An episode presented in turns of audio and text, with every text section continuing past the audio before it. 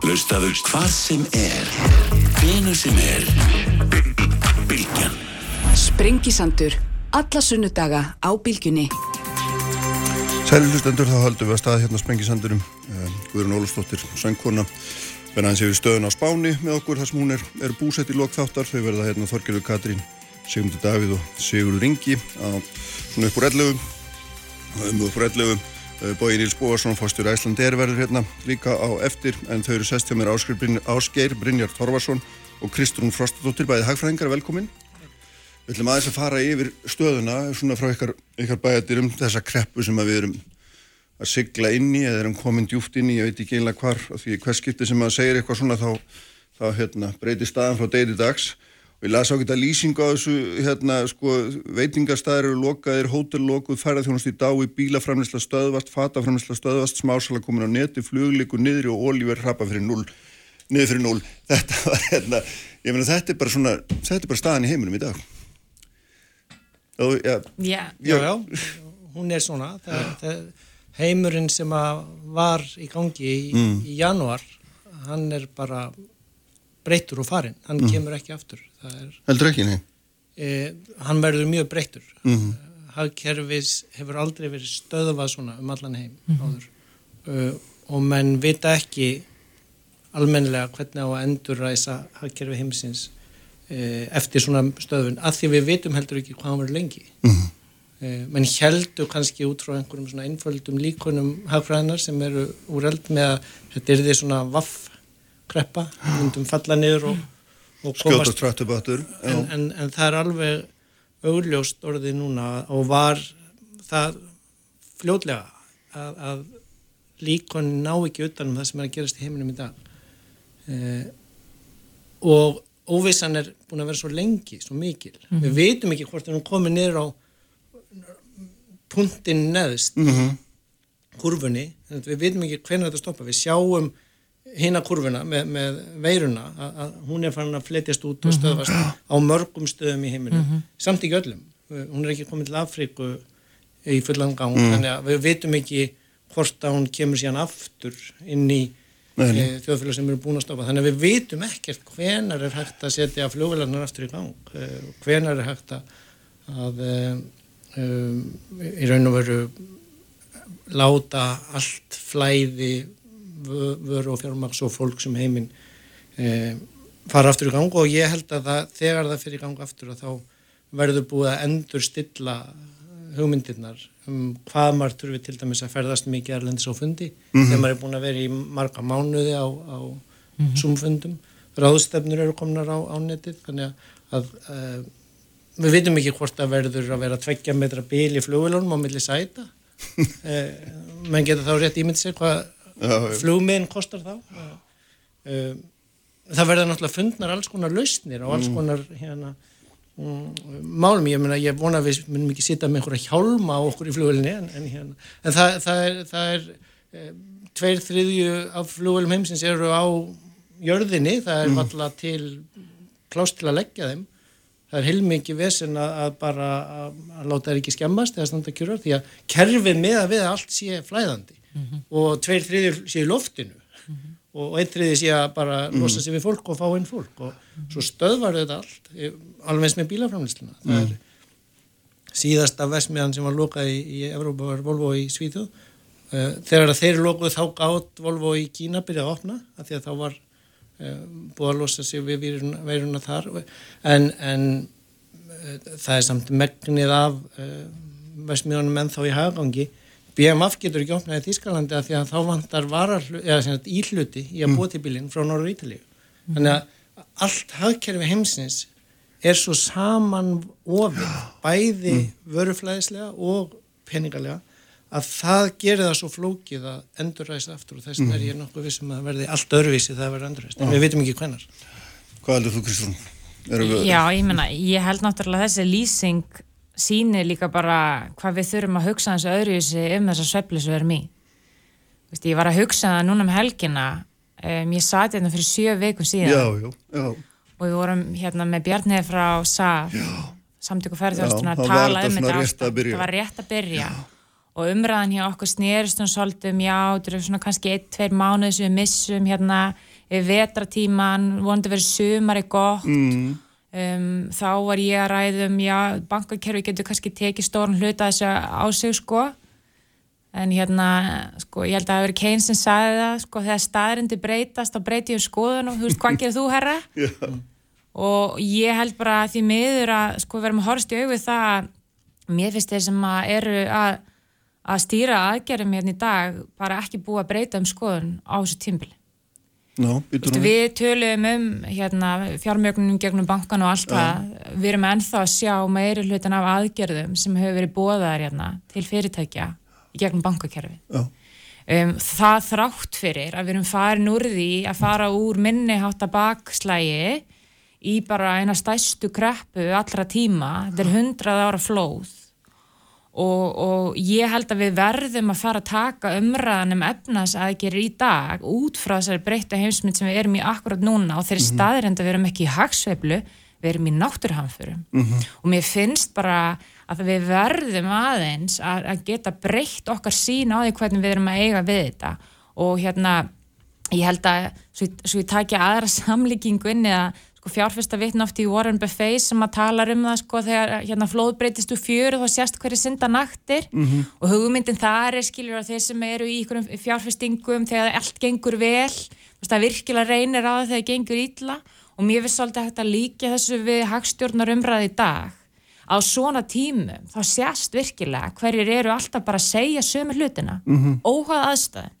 og hverjir eru að skipta um skoðum út frá breyttum aðstæðum. Mm. Og mér finnst að við verðum að vera svolítið auðmugagvar því að við erum að ganga bara inn í ótrúlega skrittna tíma og erum í mjög skrittnum tímum. Mm. Og getur ímyndaði Kristján hvað er búið að breytast mikið að síðan sjö vikur já, já, sko allt sem við getum gert núna já. til þess að kaupa okkur tíma verðan þess að við pæliði hvað við vi, vita mikið eftir sjö vikur. Mm -hmm. og mér finnst ákvarðanir í dag svolítið taka með af því að við séum einhvern veginn bara búin að taka ákverðuna, já þú veist, þetta verður bara ábúrslega erfitt fyrir ferðarþjónustuna, það verður bara fjöldagjaldrótt, þetta er bara búið mm. og við vitum í rauninni ekkert akkurat núna og ég held bara að við verðum að taka með af því. Ertu, þú ert að segja, er það ekki að, að þessar aðgerri ríkstjórnarna síðan fullkomlega hérna, séu fullkomlega ófullnægandi séu ófullnægandi það eru bara í engu samræmi við ástandi og ástand, sko, það er, það er sko, ég held að við, það er líka á tímum sem þessu, það sem getur verið jákvæmt við þetta kannski breyti líka við okkar aðeins til hagstjórnarumræði mm -hmm. vegna þess að það er til dæmis mikið verið rætt, þú veist, í gegnum núna árin en þú sér það sérstaklega koma upp núna, hver hérna hvert svigrum er hjá ríkissjóði mm -hmm. um, veist, við erum að ennþá heyra frasins og peningarsíku til það er verið að telja til upphæðir eins og til að mynda afslátt, afslætti eða frestun mm. á skattgreðslum til fyrirtækja sem hefðu hvort sem er farið á hausin. Oh. Það er verið að tala um, um alls konar svona flæjandi stæri þegar stærindin er svo og fólk verið að horfst í auðvitað í fyrsta lagi stæsti hluti af Hallaríkisjóðus í dag hér og út um allan heim er út af tekjutöpi og út af því að við erum með sveplujafnar í kerfinu sem er þess eðlis að ríkið grýpur fólk án þess að fara í pólitískra ákvarðanir mm -hmm. í gegnum atvinnuleysi, í gegnum velferðarkerfi og þess og þar. Þetta eru mörg hundru miljardar sem muni gerast á þessu ári bara út frá þessu. Það ráðast í beina fjári einsbytingu inn í kerfi, það eru ekki tapæð peningar vegna þess að, að sko, við erum að fara að horfa fram að halla hérna í mörg ár og aðgerði sem að ríki ræðist í núna munu ákvarða hversu mikið halli verður á næsta ári og þar næsta ári mm -hmm. og það sem að ríkið er að gera núna er að takmarka tekutapsitt í framtíðinni og öll þessi umræða um að peningarnir sé ekki til sko, ég verð bara vekja aðtegla á því að því að ég er orðinsvöldi bara þreytt satt best að segja þessar umræðu mm -hmm. vegna þess að það er engin að tala um að við förum að staði í eitthvað fáranlegan hallarekstu til lengri tíma þar sem við verið að fjármagna öll gælverknum og hvað svo sem er en það fyrsta sem að ríkistjórn þarf að spyrja sig í fyrsta lagi er, er viljið til að gera eitthvað og er það efnaðslega arbært er efnaðslega arbært að, kaupa okkur smá tíma núna í nokkrar vikur til þess að við sjáum ekki fjöldagjaldrót hjá mm. fyrirtækjum sem að eiga séns undir vennilegum kringustæðum vegna þess að við erum með einmynd við erum með einn sælabanka, við erum með einn fjármálastjórn, mm -hmm. við erum með rúma skuldastöðu, við, sko, fyrir utan það að við skuldum bara ferðarþjónustunni að gefa þeim smá breyka akkurat núna. Ég meina þetta er ástæðan fyrir því að við erum búin að vera með viðskiptafgang í mörg ár, þetta er ástæðan fyrir 800 miljardar króna gjaldrisforða og það sé ekki vilji fyrir að fara í stórtækar aðgerðir til að kaupa okkur tíma. Á meðan við erum að lesa ástandi fyrir þess að við getum ekki tekið langtíma eða millitíma policy ákvarðanir núna í ykkur paniki og það er mikill miskilingur að halda í fram að það sé bara léleg fyrirtæki að fara að hausa núna eins og ég sagði það áðan. Við erum með flugfélag Já, já. sem er mjög vel fjármagnað sem að getur valla endast fram í mæ samkvæmt ofinberum upplýsingum, skilur nákvæmlega. Áskil, Já, ég get náttúrulega ekki sagt neitt eiginlega um íslensku fjármáluna því ég sitt í fjármálaráði og við tölum þar í gegnum okkar álit en, en, en, en ég get talað um þetta út frá alþjóðlegum vinkli, það er augljóst, það var á vorfundi alþjóða gældarisjóðsins í Washington fyrir tveimu vikum talað um það bara fyrirsögnin eigðið fjálglega en geimið kvittunina. Þetta var eh, yfirskrift eh, eh, hlutans þar sem fjalla um umbyrð fjármál. Það er að segja, það er svo mikilvægt núna að e, e, tímin, munurinn á þessari krísu og fjármálkrísunni 2008 er, er mjög mikill en, en augljóst dæmi, hún er orðin stærri þessi augljóst dæmi er að hlutinni gerast miklu hraðar núna. Mm -hmm. Bandaríski Sælabankin er búin að pumpa út peningum í, í lok mars á hverjum degi áleika að hann pumpað út á mánuði eftir fall Lemans í september 2008. E, það er búið að e, gera hluti í Evrópsambandinu núna á tveimur þreymur, fjórum vikum sem tók tvö ár að ná í gegn. Þannig að hraðin er svo mikil að því við erum ennþá í fallinu niður. Við vitum ekki hvernig við erum komið niður í botpunktin og getum síðan fara að snúa uh, upp og við munum ekki fara jafn upp átt aftur heldur. Við förum náttúrulega mikið upp í svolítinn tíma þegar við getum fara að klippa okkur aftur og, og komast út. En, en, en við, við förum ekki okkur en degi klippingu til að vinna upp hérna hallan af því sem við fórum ekki klippingu. Þannig að, að aðalatriði núna er hraðin og ég var á ráðstefnu á netinu á, á förstæðin það sem að talaði fjármálar á það Írlands til dæmis, þeir settu pakka yfir eina helgi í mars sem bara um, dældi út til þess að, að halda uh, gangandi fólkinu sérstaklega uh, hérna, og það er síðan svona ákveðin policy þess að tryggja fólki semst einhver lámars Já, bættu við bara já. 350 eurum á viku til allra sem voru uh, að hérna,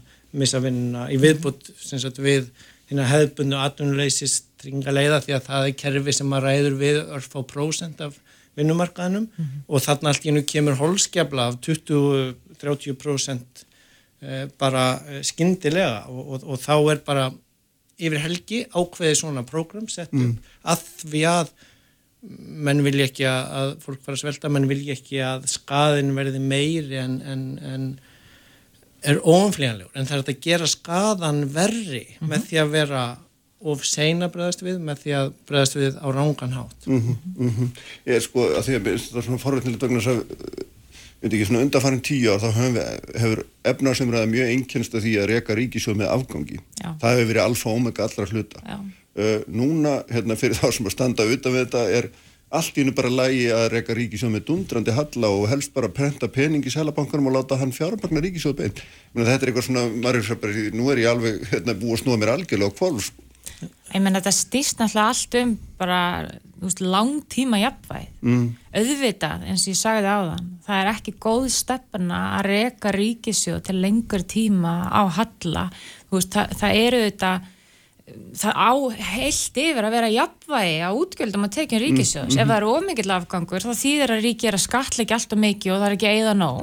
Ef það er ómikið hallið þá er það öfugt mm -hmm. en þannig að til lengri tíma þá áauðvitað eiga þessi, þessar starðir að vera jafnvægi. En staðrindin er svo að ríkið gegnir bara mjög mikilvægu hlutverki í efnaðslífunu á tímum sem þessum. Og með, sko, þú veist, ég geti því samingin nefnt eitt, sko, og bara svona, þú veist, ég verði eða bara nefna þess að ég ræk á augunni um helgina að það er svona byrjuð ykkur aðeins umræða um í, í vonandi bara mjög litlum hópum, sko, að að ríki skap ekki verðmæti nú séu verðmæti að skapast í enga geranum mm -hmm. og það og, að tapast í enga geranum og, og það er ekkert við því að gera því að ríki skap ekki verðmæti. Og sko bara út, faglegu mati þetta er náttúrulega bara vittlisa mm skilur, þetta er augljóslega ekki rétt. Ég meina, þú veist, er ekkert verðmæti af ríkinu, það er heilmyndi verðmæti sem fælst í því að þú ert með stopnun sem að getur dreyið úr áfalli og breytti yfir langan tíma sem að enga stopnan er ekki að taka að sig og ég meina, þetta er ekki bara þetta er ekki öfgaskoðun ég á bara til með að segja að það sem ég er að segja ykkur við ykkur í dag er ekki öfga skoðun, ég er ekki öfga hagfræðingur, málið er bara að efna sem er á Íslandi og hagstjórnarumræð hún er oft bara mörgum áratugum á eftir það sem er að gerast erlendis. Ég meina við erum að sjá Mario Draghi fyrir hundi Sælabankastjóra hérna Evrópisambandsins, Evrópibankans skrifa nýlega grein í Financial Times þar sem hann var að tala einmitt um að það var í hlutverk ríkisins að nota efnaðsreikningin sinn til þess að venda borgarn og fyrirtækjum fyrir áföllum sem enga gerin ber ekki ábyrða á og getur ekki staðið undir. Og í því samengi af því að áskiprinni var aðan að tala um að til að mynda Írland er að fara í að passa tekjur fólks og við erum auðvitað að gera það hlutu til líka með hlutabótarleginni en eins og hann bendir réttilega á er sko það er forgansadri að verði ekki bara tekju fólks, heldur líka að passa upp á að það viss, missi vinnuna til að byrja með. Vegna þess að vandin er sá... Það er söpað að missa hann ekki, mennur Já, Já, missa já, ekki já, til að byrja með. Vegna þess að vandin er sá að er að við auðsum pening bara í aturleystryggingasjóð, bara í hlutabætur. Hvað ætlar að gera svo í haust þegar það er ekki störf fyrir þetta fólk? Mhm. Ætlar að setja allir í HÍ? Ætlar að geima allir í háskólan? Ég meina það kostar líka pening að setja fólk til hliðar. Þannig að á tímum sem þessum þá gegnir ríki bara mjög mikilvæg hlutverki og það er engin að tala um einhverja langtíma stefnubreitingu. Þetta er ekki eðlilegt ástand. Þetta er 100 ára flóð. menn, menn hafa eh, sko talað um það að tabúið sem mátti ekki tala um eh, sem var alþekkt á, á, á tímum Keynes og hérna fyrir nokkrum áratugum. Að, það er hægt að búa til peninga fyrir ríkisjóð úr sælabankunum en, en menn gerðu svona aðgreining á milliðessar stofnan til þess að passa það að pólitíkusanir kæmust ekki í það að fjármagna kostningarlofunni sín og búa til óðaverðbólka. Verðbólka er ekki vandamáli núna. Nei. Einn stærsta hættan í svona krepp getur hún ekki orðið það í, með þú prentar peninga eins og hérna, hér stendur til að gera öllum vesturlöndum eða hvað? Nei, ekki þegar þú ert með hagkerfi stopp og sko stærst á þetta sko, eiginlega Það því að margir hafa sagfræðingar ágjör bara lánunum sínu, það er eins og Nei, sko, það er eiginlega gaglar að, að, lesa bækur eftir sagfræðinga, sagfræðiprofessor núna heldur en hagfræðiprofessor. Sko, vandin eftir kreppuna miklu var e, deflation, verð hjöðnun og það er miklu meira hætta núna e, fyrir heiminn að heldur en einhverjar e, margra áratuga gamlar hugmyndir og, um einhverja verðbólgu og grílu. Það, það er, sko, það, og, og allstaðar í heiminum í kringum okkur núna er þessi aðskilnaður á milli Sælabank og, og, og fjármálanándis hann er de facto horfin og það, það er búið að eyða tabúinu, það er byrjað að tala um þetta. Þetta eru leiðarar og greinar í Financial Times og leiðandi blöðum um það. Englandsbanki er beinlinis að prenta peninga beint inn á yfirdráttarreikning ríkisjóðstar til þess að þeir geti keift grímur og, og, og lækningabúnað. Þannig að, að sko það síðan eh, hvernig við leysum úr þessu og vindum á þessu er bara setni tíma mál. Það er ekkert vandamál að dreifa svona skell sem kemur á 150 ára fresti eða yfir 150 ára þessuna. Mm -hmm. Og aðalatrið er að sko, menn, menn það eru svona tvær grunnstóðir í stýringu efnaðaskerfisins, peningamálastefnan sem Sælabankin stýrir með vöxtum og síðan ofnbæra fjármálastefnan og þetta verið svona aðgrindir turnar og svo hafið þið heyrt Sælabankin segir ríkisjóður vera að passa útgjöld og, og sumir hérna yfirmenn sumra um, fjármálaráðuneyta um heiminn segja að byggja Sælabankin um að lækka vextið að reyna að fá hann til að lækka vextið. Þetta er bara hinn hin gamli heimur sem er, er horfin. Þa, það er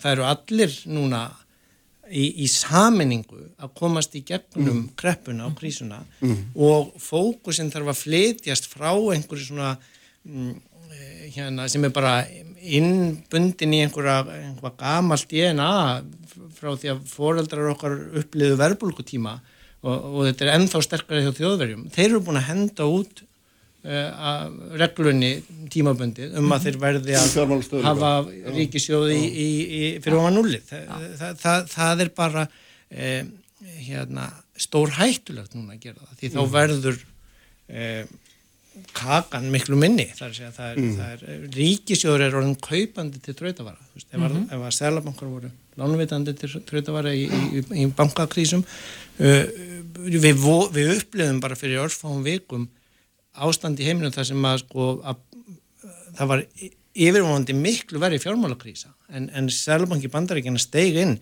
uh, þó að þeir séu kannski ekki lengur leiðandi á henni pólitíska sviði heiminum þá er, er Sælabanki bandarækjana búin að stíga inn sem raunverulega Sælabanki heimsins.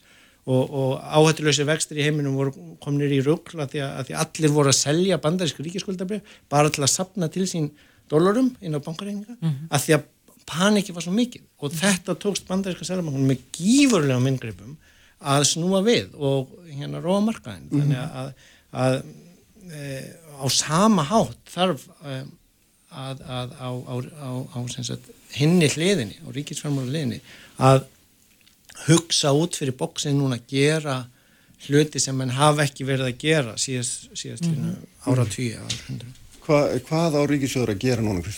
Hvað, hérna er, er lækningin svo bara að, að dæla út peningum eða er eitthvað annars sem þarf að fylgja með? Það því að ég ymda mér svona flestum hafa þótt aðgerð, aðgerðapakki eins og það kallaði nummið tvö verið ansið döfur mm -hmm. og hérna svona ferðarþjónustu fólki náttúrulega þótt hann hræðilegur mm -hmm. fekk áfallar að sá mhm. hana því að það hafi búist við einhvern beinum aðgerðum fyrir sig en hvað finnst þér svona ef þú ættir að, að ráðleikja? Sko í fyrsta lagi þarf að halda eitthvað haga ég menna sko hlutabótalegin hefur auðvitað gengið mjög vel mm. hinga til og, og, og hérna þarf að gefa ríkistjóðnarnir hrós skilu fyrir hversu rætt það gekk En munurinn á stöðinu núna og til dæmis fyrir 12 árum síðan þegar þessi hlutabótarlega var eh, þaðan er hugmyndin komin mm. er að, að hérna, það voru ekki null tekjur hjá fyrirtækinum sem voru að nota þessa hlutabótarlega þar. Það eru null núna mm. og það er munu verða í eitthvað tíma og, og hérna, við verðum að sjá fram á ástand það sem ert að taka fólk af þessari hlutabótarlega. Mm. Um, það vantar pening til fyrirtækja fyrir utan þessa hlutabótarlega núna og ástæðin fyrir að segja núna er að það vantar það fyrir fimm veikum síðan, mm. fjórum, þremur, það vantar þetta ennþá og það verður ekki króna farið út til fyrirtækja í gegnum hérna, þau lán sem að ríkja ætlar ábyrgjast. Þannig að það er búið að setja svo ströng skilirði á sér lán að, að það er erfitt bæði fyrir fyrirtækja sækjum þetta bankarnir treysta sér valla til þess að veita þetta að þeir eru svo hrættur um að þeir setju uppi með skellin síðar meir mm. þetta tekur allt og allt og langan tíma. Það verður að fara í almennir aðgerður núna og það sem að ég á mjög bátt með skilja er að það hefur verið að viðra hugmyndunum það að það sé 350-400 miljardar sveigrum til að mynda hjá bankakerfunu núna til að fara í útlan mm -hmm. þannig að það er búið að lækka sveiflijafnanur auka hjá bankunum, það er búið að, að, að hérna, breyta lausifjörgröfum og þess og þar. Þetta er 10-12% stækkun á bankakerfun okkar. Bankakerfi sem stemdi frekar í það að minga efnahag undir núverandi kringustæðum sem er miklu eðlislægar fyrir, fyrir kerfi að gera. Mm -hmm. Þetta er 12-13% aukning í landsframleiðslu uh, metið á skuldum fyrirtækja í landinu. Það er sem sagt vilji og fólki finnst í lægi að auka um, skuldir veikra fyrirtækja um, meiri sé að auka skuldir sterkar fyrirtækja þannig að þau koma veikari inn í viðspurnuna að veikja bankakerfið og nota bankakerfið eins og ég hef sagt áður og ég segja en sem eins konar hamfar sjóð mm -hmm. að þess að sko staðinendur er svo að þó þeir sé með eiginfjárkapital inni og sterkir þá eru þeir ekki gerðir til að bregðast við hundrað ára flóði og við verðum að hugsa eftir ára, eftir tvö, eftir þrjú, eftir fjögur ár mm -hmm. hvar á viðspyrnan að vera í kerfinu. Ef þú tekur fjármagn út í böngunum núna þá er minna aflögu til að lána í öllu fjárfestingaverkefni síðar. Og það sem að ríki þarf að byrja á því að gera er að hætta allir umræðu um hver framtíð Íslands verður, um, um alla hena geiran sem geta tekið við, mm -hmm. um hvernig ferðarþjónustum er þróast. Við þurfum að fara í slökkvistarf núna. Það þarf að gefa okkur séns þess að hugsa 8, 10, 12, 14 veiku fram í tíman.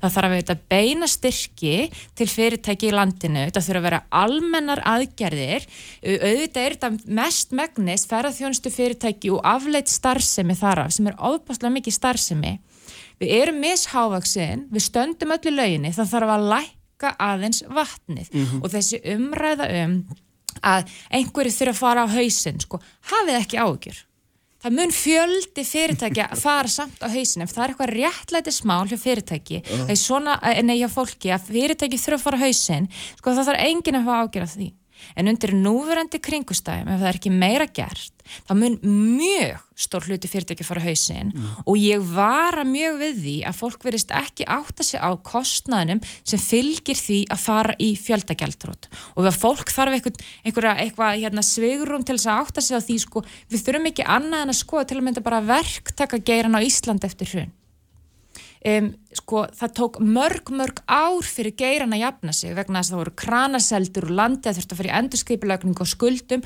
Það var löngu orðið arbært fyrir þessi fyrirtæki komin að marka og byggja. Og hvað gerðist? Við fengum mega ójabæja markaðin í frambóði húsnæði.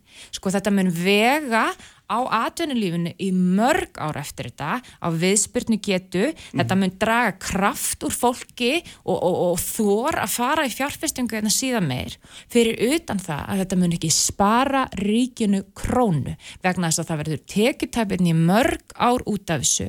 Og við verðum aðeins að fara að hugsa í starri hugmyndum núna og við erum ekki svona hrætt við að ræða þessi mál, þetta er ekki öfgar, það eru öll löndin í kringum okkur að tala um þetta og þeir lönd sem að við kannski líkjum okkur hvað mest við Noregur, Þískaland, Danmörk. Þetta eru allt lönd sem eru að veita ríkisábyrðalán, sem eru með hlutabótarleðina, sem eru með öflög sveiflujafnar eins og við.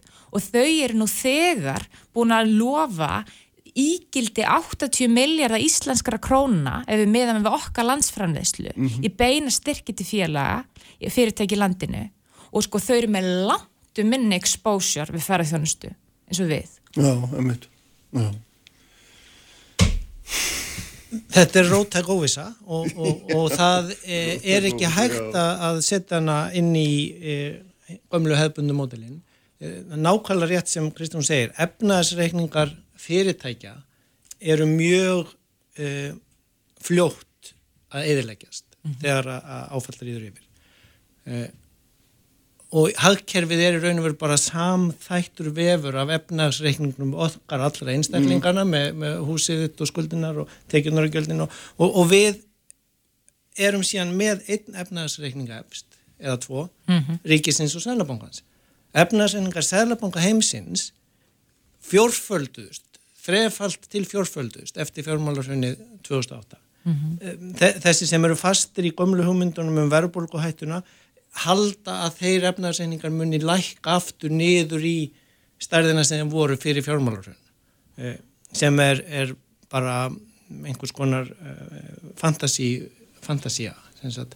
Uh, núna er verið að stækka þá aftur enn meira miklu hraðar og, og það er ymmit út af því að efnarsreiningur ríkisins er sá efnarsreiningur sem að við getum látið þennjast út og taka á sig skellin þegar engin annar efnarsreiningur gerir En eru engin takmörk fyrir þessu?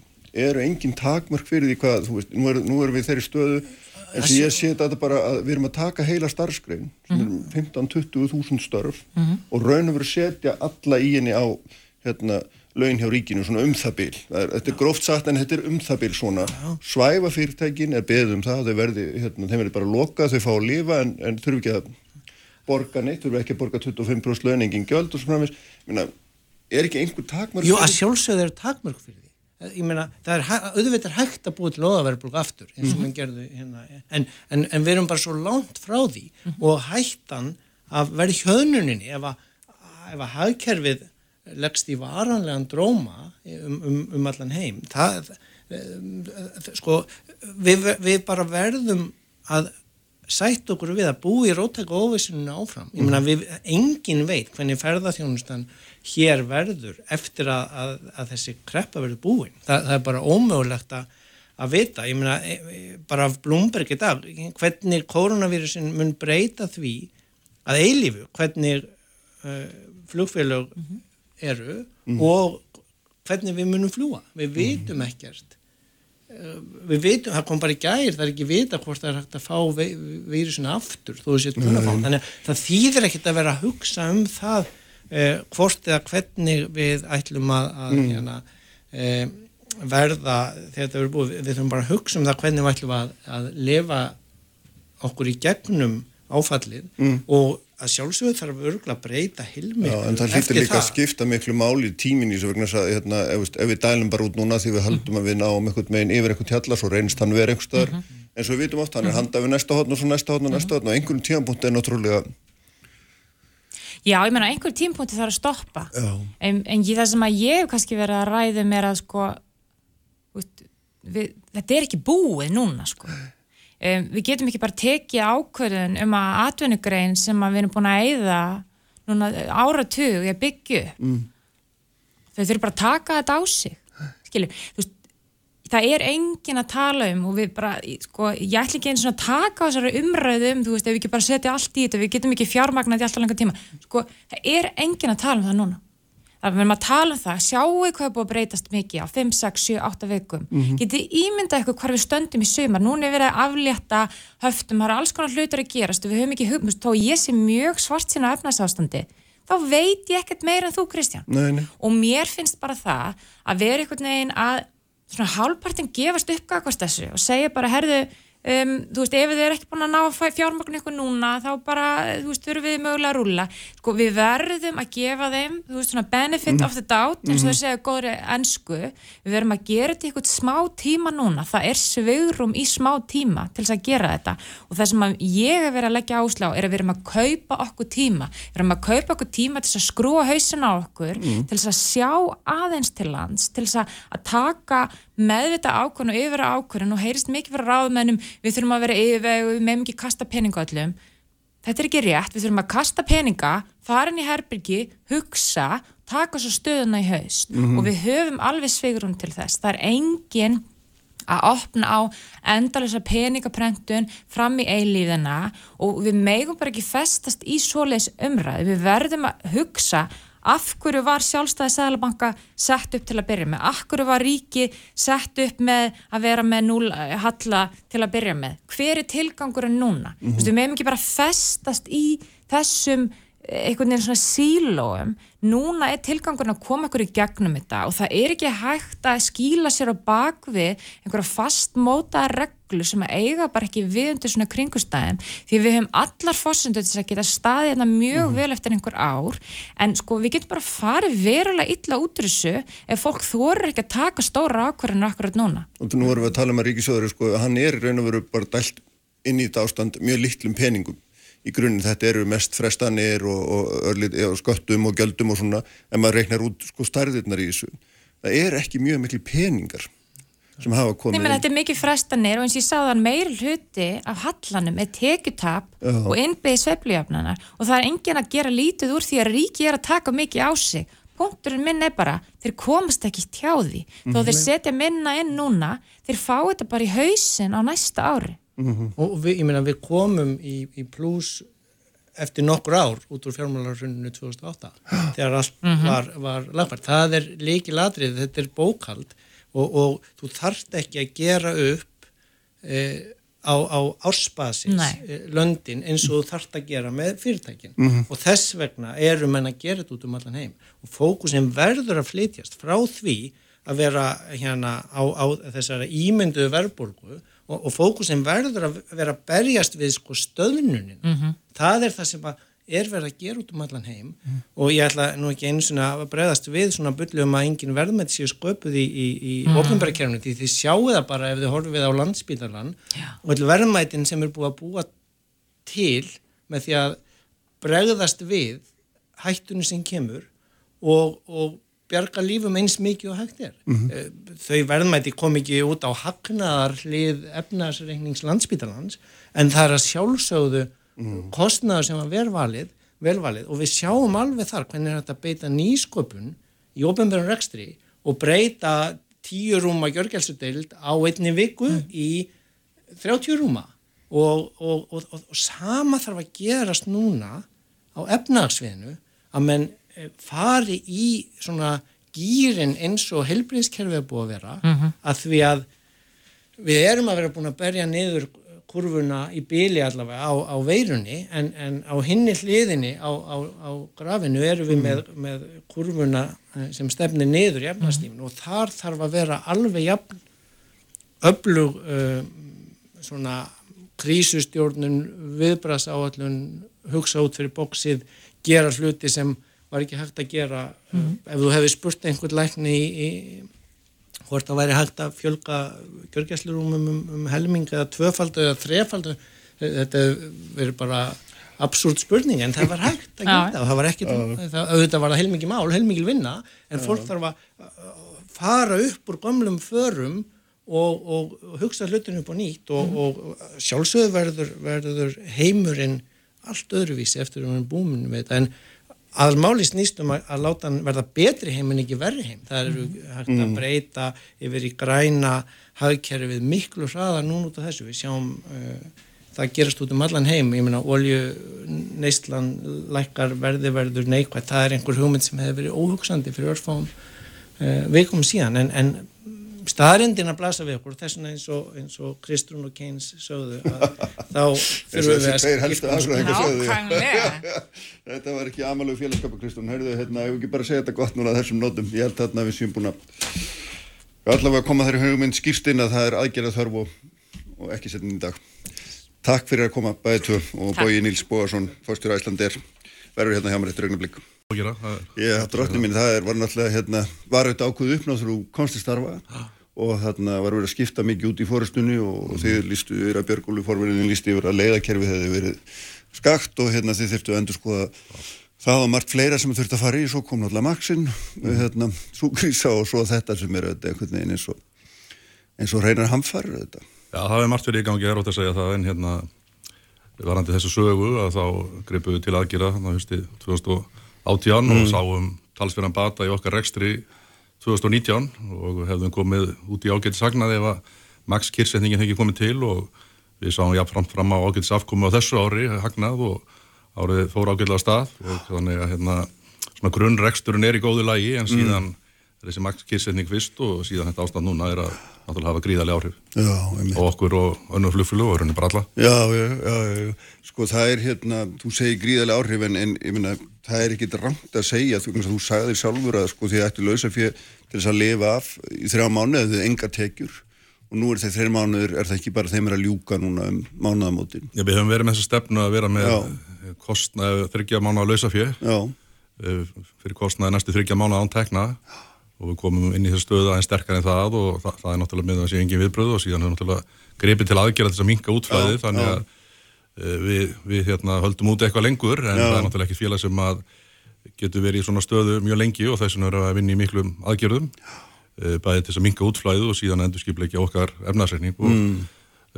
við erum á fulli í því núna já, en ok, það eru þrín mánuði núna mánuðamótin síðan að hérna, þetta byrjaði, getum við sagt, þetta, þetta tekju leysi og hérna, og, og, þó að þið hafið eitthvað örlíti borð fyrir báru umfram það, þá er það náttúrulega alla Minna, við erum að tala um einhverja stöðu sem er geysilega alvarleg. Þú kallar þetta gríðarlega áhrif en þetta er náttúrulega miklu meira en það er ekki. Jú, jú, við erum að fljúga þessar vikunar, eh, svona sex flug í viku, sex Já. brottar á keflag, allir vera með 216. Já, Þannig að hjá okkur eins og öðrum þá verður þetta algjör tekjubrestur og, og við komumst ekkert í gegnum þetta sömar án, án þess að fá einn nýtt fyrir, það, það líkur algjörlega fyrir og, og þess vegna við að vinna í, vinna í þeim málum í dag. en hvaðan á þetta nýja fyrir að koma vegna þess að veri svona ef maður veri fjárfæstir myndi maður setja pening í ferðjónustu fyrirtæki þegar það er fyrir séð að það getur ekki tekið til starfa næstu mánuðin er raun að vera einhverju fullu öfli. Já, ég held að það séu mikil tækifæri okkar fyrirtæki.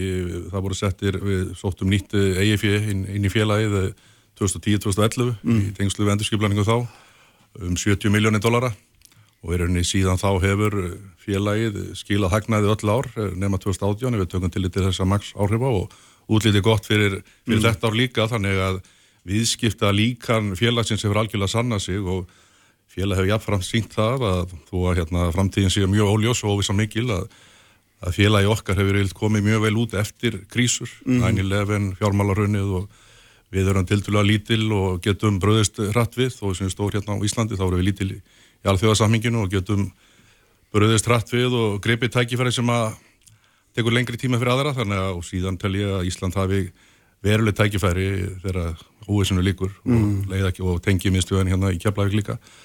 Þannig að ég er alveg bjassinn á það og, og tel að við getum sínt fram á þetta sé gott viðskiptatækifæri fyrir fjárfesta. En óvissan er mikil og þess vegna verður að stilla þessu þannig upp að, að við verðum að tryggja allir innviðir haldi sér hjá félaginu meðan við erum í þessari já, mjög lí, lítilli starfsemi Já. en á sama tíma að minka útflæði fjármagns eins og hægt er en að vera tilbúin í viðspyrnuna þegar, þegar áþarf halda og bara kæri við á Íslandi Líkilatrið þessu er náttúrulega tíminn. Líkilatrið er tímir, þess vegna verðum við að bara grípa til harðara argjörða núna til þess að minka Mm. útflæði en vera tilbúin að stökkva stað eins og kom fram, fram, fram hjá hagfræðingunum áðan að þá uh, þarf haggjörða að vera tilbúið að stökkva stað um, um leið og færi gefst og þar gegnir náttúrulega okkar félag gríðarlega mikilvæg hlutverki. Já. því að við verðum ekki til þegar ferðarmið vilja fara að ferðast að þá þá mun þetta taka miklu lengri tíma fyrir allan að ferðarþjónustunum að ná sér á strik Já, og skapa einhverju tekjum inn í te- augljóslega en, en ég meina, þú veist, ef maður er raunsær þá, þá hérna þá er þetta vantalega þannig að menn byrja rólega. Veist, mjög margir markaðir er í algjöru uppnum ekki okkar hálfu heldur bara vegna þess að það er hérna, mikið óvísu ástand á þeim og maður sér fyrir sér að hérna, Æslandir verði bara eins og flugfélag Íslands fljúa á London og Kaupmannöfn Nei, ég meina það er ekkit ól, ós, ólíklegt að þetta verði svona hægfara ég held að sé eh, mjög líklegt já, þetta verið hægfara, Mm. þetta taki við- það tekur einhver ára ná til dæmis fjöldanir sem við vorum með 2019 ég held Mm. að það sé alveg ljóst og, og, eh, en það er mjög mikilvægt vegna þess að markaðnir munu taka misjaflega við sér, misjaflega hratt og við erum með í rauninni tengingar við svo marga staði bæði í Evropa og Norður Ameríku og getum þá stokkið inn á þá staði sem er að taka við sér. Mm. Við erum með tengingar við flugvelli, við hérna, sölu aðeila og þess áttar þannig að það er mjög mikilvægt að þetta kerfi haldi sér allt saman því að við vitum ekki í rauninni hvar tækifæri munu fyrst koma upp.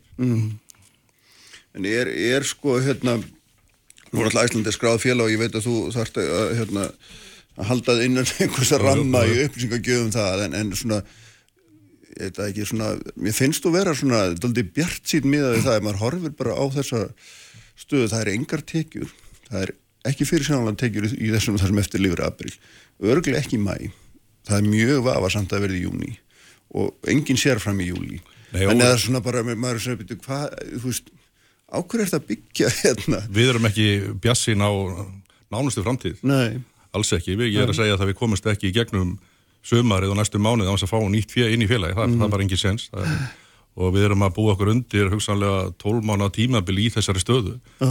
en það getur líka verið 3 mánu, 6 Já, já, eða 9 já, já. við bara vitum það ekki, Nei, það er sem er svo slæmt í þessu og það er mikil óvisa um óvisuna, það er bara þannig. Og hérna, þannig að næstu mánuðir verða mjög erfiðir og við getum ekki búið til neinar áallanir fyrir næstu já, hvað að segja, 6-12 mánuði. Nei. en uh, líkilatrið er bara að minka útflæðið og vera tilbúin að fara af stað þegar þetta fer af stað, því þetta mun fara af stað aftur og eins og ég segi, tækifærin verða mikil fyrir Ísland að mínumati til framtíðar, við höfum brugðist rosalega vel við með aðra þjóðri, þjóðir við þessu áfalli og tekið vel á hlutunum og okkar er rauninni tengilir út í heimi að segja bara Ísland verði í dauðatæk- dauð- dauðafæri þegar hérna sólinn fyrir að rísa. Já. en næstu vikur og mánuður verða gríðarlega erfiðir og, og bara enn og aftur við komast ekki gegnum þe- þessa stöðu á þess að fái nýtt fjármagn í félagi það.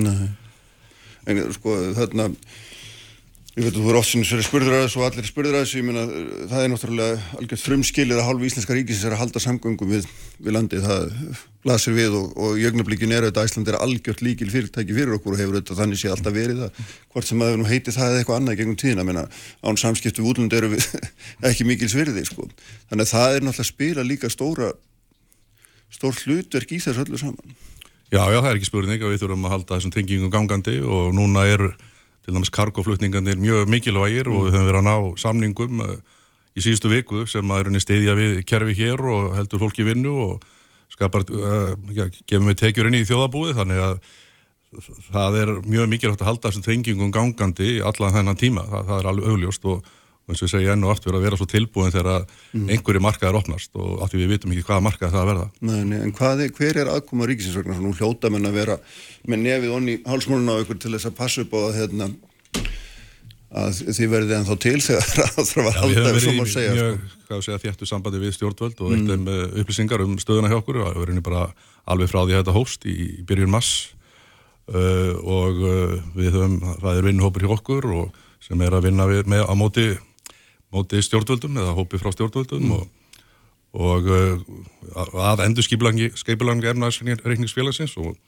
við stefnum á að gefa út nýtt hlutafið, við höfum tilkynnt um það, við teljum að, að hérna að það sé nöðsöld að styrkja efnarsreikningin með eigi fyrir það félaginu vantar ekkert skuldir og til þess að félagi verið tilbúið í þessa viðspurnu þá er ekki gott að koma gegnum þetta ástand í, bara í raunni að vera í endun, öndunavélaginu þegar við komum út úr þessu, við þurfum að vera í sterkri stöðu þannig að upplegi sem við erum að vinna með en það eru hverki vilirðið að lofórðið eða skilirðið neistar er að, að það komi fjárfæstir að félaginu og hugsanlega í framhaldinu komi þá uh, ríkið með uh, einhver einhverja lánalínur til þess að koma félaginu Ríkið komið með lánalínur eftir þessu Já, það er svona eitthvað sem við erum að vinna með en eins og ég segi það er hverki, er hverki lofórðið eða vilið eða neitt svoleiðs, þetta er bara svona struktúr sem hefur að stillu. Já, já, nú sá maður samgöngur á þannig bara síðast í gær og hann verður nú hérna nindur á eftir segja að þetta væri eitthvað sem þið þurftu bara að berga ykkur sjálfur í gegnum og, og svona í ljósið sem ég var að segja á hann um mikilvægi félagsins og svona þá, ekki, þá finnst mann þetta svona gáleisislegt sko. Ég meina, hvernig metur þú þetta? Er þetta... Við erum að sjá það bara allt í kringum okkur að ríki eru að styðja við flugfélag því þau eru svo mikilvæg, varandi samgöngur og, og tengingar, þannig að bæði austanhafs og vestan er verið að styðja við flugfélag, eru, þau ofnbæra að styðja við flugfélag með, flugfélag með einum örum hætti og uh, það, það segja það flestir sérfræðingar í þessum flugheimi að að félag mun ekkert komast í gegnum þetta án einhvers konar stöðnings frá, frá hennu ofnbæra, mm. það er að segja flugfélag. En sjáum við fyrir okkur að, að þetta verði þá ríkisfélag eða er þetta hlutafélag eða hvers konar eiginlega, hvað er, hvað Já, er erum en að pæla? Upplegi sem er verið að vinna með sem að hérna, eins og ég enn og aftur er bara eitthvað uppleg sem við erum að tekna upp mm, mm. að þá er, er ríkið ekki að koma inn sem hlutafi í því Nei. En hvernig er sko, nú er þetta, nú er þetta þannig að, að hérna, þið eru hver einasti dagur er eitthvað dýr getur við sagt og hann kostar eitthvað vantlega 20 miljóna í bara í útlaðan kostna ger ég ráð fyrir því þið eru með mörg þúsund manns á launaskrá og það er ekki, fólk er ekki að gera, ég veit ekki, það er ekki að gera neitt sérst, það er rangt að segja það, en að mistast ekki að gera það sem það er vant að gera. Það er lítil framlegsla allavega. Já, við skulum orðað þannig, já, en um leið er þetta þannig að þið getið ekki sett fólk á hlutabóta leið og satt því upp í leiðinni. Það, er, það má ekki gera það, þannig að að þú ætlaði að segja, og þú munt segja fólki fannlega er það ekki bara núna strax eftir helginni einhverjum Jú, mjög miklu mæli og hérna gefið það út uh, uh, það er einhver gríðarlega dýrst að segja fólki upp vegna svo er vantarlega margt að fólki með sex mánuða uppsöknarfrest eða ég vel lengur, ég veit það ekki. Já, það er svona flestið með þryggja mánuða uppsöknarfrest og það er jú dýrt uh, En ákveðna starfskreina vantarlega þessar hæslunu eru nú með lengri frest, er það ekki? Já, svona flestir eru, ef við tölum um fjöldan þá er flestir með um þryggja mánuða uppsöknarfrest og það er dýrt fyrir kassflóið en hérna þetta er einhversið eitthvað sem við erum að gera núna við erum að horfa á, á að þetta tímabil geti verið allangt mm þetta óvissi tímabil og það sem við verðum með mjög litla framlegslu og við verðum að undirbókur undir það mm. og þess vegna erum við að grýpa til þessar aðgera núna fyrir mánamótin, við erum svona aðeins að býða eftir hvort það komi einhverja breytingar á hérna, aðgerapakkunum frá hinn óbembera Áttu að pröfu vona því? E, það getur alveg gerst, heyrist okkur þannig að við erum svona aðeins að beðið með endarlegar útfæslur en við getum ekki beðið mikið lengur Nei. En þetta erum við að tala um uppsagnir sem að við höfum aldrei síðað hér áður Ég bara get ekki sagt það, þetta er allavega mjög mikið því miður, við verðum Já. því miður að grípa til mjög erfiðra og mikill aðgerða núna mm. til þess að minka útflæði fjármuna úr, út úr félaginu. Já, en, en það mun ekki duga til, til skamstíma vegna að kostnæðurinn verður, hann tikkar einhverja vel inn í sumarið. Já, já, ég, eins og ég segja náttúrulega að við hérna komast ekki gegnum sumarið á þess að mm. fá nýtt, nýtt fyrir félagi, það er mm. einhver ljóst fyrir. Já, en hvað segir ríkið þegar því er gerð grein fyrir þessari stöðu, að nú er alveg augljóst hérna, ekki bara vandkvæðin við að gera þetta heldur líka það að þetta lamar félagið í einhverju skilningi að hérna. Já, við höfum verið í mjög góðu samráði við ríkið og þetta sem við erum að stilla upp núna er mm. í, í samráði við í þópenberga á þess að mm. sé, eins og segja nokkur vilir eða, eða, eða skilir eða lofórð þá erum við að stilla upp þessari ja, endurskiplanning á efnarsreiknum og í samráði við yfirvöld, þannig að mm. þau vita hvað við erum að hvað við erum að gera. Já, eitt af því sem kom fram á hann hjá, hérna Kristjón hafi verið að tala um að, að sko, það eru menn hafa mikið verið að tala um að ferðarþjónustan, hún, jú, hún er öll undir og, og svona veiku fyrirtækin eru standað þetta verst og, og, og framvegis að nú sér maður að þið eru komnir nýra á hnjén, við getum bara orðað að þannig og þeir eru þó lang best fjármagnaða fyrirtæki í ferðarþjónustu kannski fyrir utan bláalónið, mm. veit það ekki hvort ykkar myndi vera ofar en, en minna, ef við erum komin þangað í grinni að stærsta öflugasta fyrirtæki skiptur öllu máli að komin í þessa stöðu þá náttúrulega er ljóst að hún er Já, þetta er náttúrulega ótrúlega staða, þetta eru, þetta eru hamfarir og hérna aðgerið sem að lítu ágætlega út fyrir þrema vikum eða mánuði, hættu enga veginn í dag, þannig að þetta eru hamfarir, þetta eru ótrúlega staðan sem við erum í og það kallar á ótrúlega aðgerir og viðbröð. Það, það er Hvað staðan. finnst þér vant upp á núna? Hvað, hvað myndir þú leggja til að þeir gert ef, að- ef þeir fengi vald til þess? Já, það er, ég, ég ætla ekki að fara að ráðleggja og hinn óbyrra hvað það varðar, það eru fullt af sérfræðingur sem eru í því en það þarf að, að hjálpa lífanlegum félögum í gegnum þetta, það, það er auðlust. En það er, þetta er sko, skiptir máli hvernig það er gert vegna þess að það er eitt, nú hefur aðalega fókusin verið á að lengja í skuldum, fresta hérna afborgunum, einhverjum gjaldugum einhverju, ég meina, ef það er gert þá komum bara út á njánum ekki satt og ég hérna, held að það hafa þá enga það- Í þessari stöðu sem er komin upp núna þá er það mínum mati ekki góð laust það þarf að horfa til þess að hjálpa fyrirtækjum að fara í, í svona ákveði hýði í bara allangan tíma, eitt ár og hérna og já, ég hleypa félagunum inn í sl- slíka stöðu á þess að það sé gengið að þeim. Og minka útgjöld eins og hægt er og það snýr náttúrulega starfsmannakostnaður og að öllu þá. Já, en fyrir ykkur myndi það vera góð leið fyrir ykkur? Því Ég, það, það myndi hjálpa til að ef að eins og, eins og vorum að ræða áðan varandi mm. uppsagnarfrestunum það allt saman sem er mjög hefur áhrif á sjóðstyrjum hjá okkur og hjá öðrum ef það var hægt að breyta því með einhverjum hætti með hérna, lögum frá, frá hinn ofinbera þá myndi það hjálpa mjög mikið til hjá okkur og öðrum í, í greinni Hvað, hvað svona, þannig að, þannig að uppsagnarfrestur tæki til dæmis ekki við þegar að hlutabóta leiðin renni sitt skeið á enda. Nei, það var í mjög vond staða. Já, já, já, ég held að margir hafa um trúa því upp að þú gætir, eða þú, eða sem sagt, fyrirtæki gætu, gætu nýtt sér hlutabúta leiðina á eh, uppsagna, í uppsagnarfrestinum. Maður sér að samtök aðnumlífsins voru nú reynda þeirra skoðanar í upphafi. Já, við reiknum reyndar aldrei með því hjá okkar félagi. Við miðum alltaf við það að ef að fólk er svo sett í uppsókn þá farið á full laun og fullan uppsóknarfrest. Það var alltaf svona okkar skilningur á, á þessu. Já, einmitt. En við, þarna þetta flækjaði fram og tilbaka þessu, en sko, ef, ef við horfum aðeins hérna svona út úr þessum vikum vegna að þá er þetta líka þetta spurningum, sko, ekki bara hvernig við stöndum heldur líka þú segir að þið getur verið sveigjanlega, þið getur flóið austur og vestur, en, en margir okkar helstu mörkuðum, að mann horfið bara til Breitlands og, og Bandaríkjana, eru náttúrulega, hérna, eru þessi eðlis í augnablíkinu að þar er, er mikil óvisa um, um framhaldi, gríðarlega mikið að smitum og, og svona yfirvöld á hvorum stanu ná sér sérstaklega vel á strik í þessu og, og hérna þannig að það er svona, þetta mun líka hafa, er það ekki svo?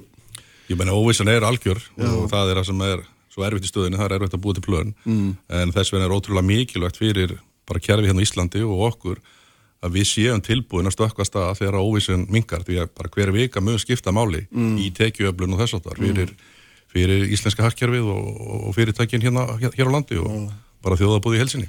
en hvernig rýmar þessar um, uppsagnir þínar og ykkar við, við þennan sveigjanleika og þessa viðspyrnu sem þú ætlar að ætlar að búa til?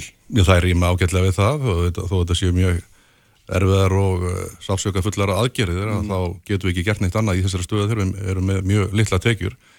En við vonast eftir að geta dreigið uppsagnir tilbaka ef að, ef að uh, það fer að byrta til og þeirra fer að byrta til og við reiknum með að geta ráði fólk tilbaka, að fólk hafi áhuga að koma aftur í þessu störf. Mm. þannig ég held að það mun ekki hafa áhuga á sveigjanleikan allavega mjög litlu marki. Mm Hvenær verður tilkynnt um þetta?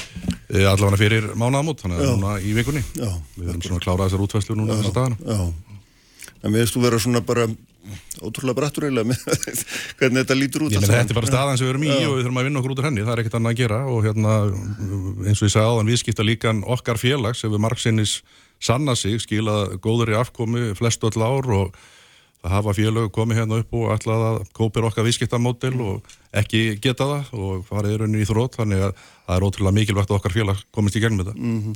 Eitt í viðbútt einna áður en ég sleppi er og það er auðvitað sko, ef maður les uh, svona greinigerður um eitthvað starfsemi undanfærin ár þá kemur náttúrulega mjög fljótlega því að, svona maður getur sagt að hérna sko uh, launakostnarinn hár og hann kannski miðar svona frekar við eitthvað við einhverju svona innanlands ímynd af stóru sterku félagi í okkar skilningi heldur en sko samkeppnistöð eitthvað í alls og þetta er svona verið umrætt náttúrulega lungu fyrir þessa COVID-krísu.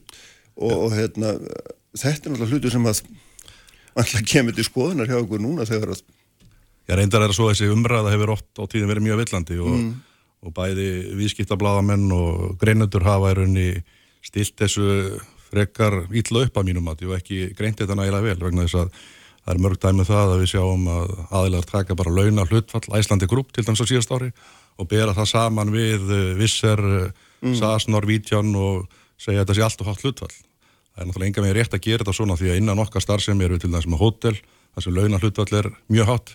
Við erum með, uh, gerum miklu meira með okkar fólki að því við erum hérna á sér eigu.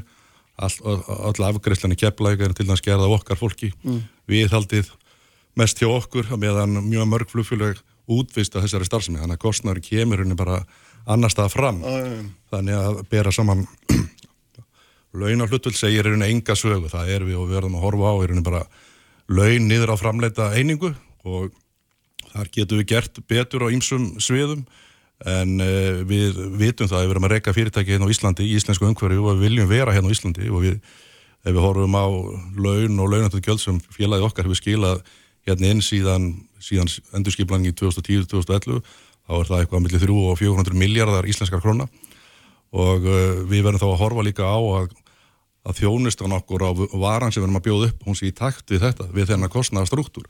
Við getum ekkert verið að keppa við fjölu í kostnaði eins og til þess vissir sem gerir út frá Austur-Európu, þannig að við þurfum að stilla og eitthvað strakiti upp miða við þetta, en ég er samt ekki að segja að við getum gert betur í okkar kostnaði, við getum uh, nýtt okkar starfsfólk betur og það eru tækifæri til þess að breyta samningunum að, að mínum mati. Mínum mati, þetta eru gamli samningar mm. flóknir og við getum fyrir ekki aðalagað á betur að nú, nútíman að bæði þörfum félagsins og fólksins. Já. og það er okkar verkefni í sambandi við okkar frábara, í samstarfi okkar frábara starfsfólk, það eru mörg tækifæri sem gera betur. Það er misjátt eftir starfsópunum hversu samkynningshæfnin er mikil, hún er betri hvað var það flugmenn heldur en flugfröður mm -hmm. þannig að þetta er verkefni hjá okkur núna. Ljómandi bói, takk fyrir að koma. Takk fyrir Þau verða hérna hjá mér Sigur Ringi, uh, Torgir Katrin og Sigmundur Davíð í trögnum blik. Uppspretta frétta á Sprengisandi á Bilgunni Sprengisandur, alla sunnudaga á Bilgunni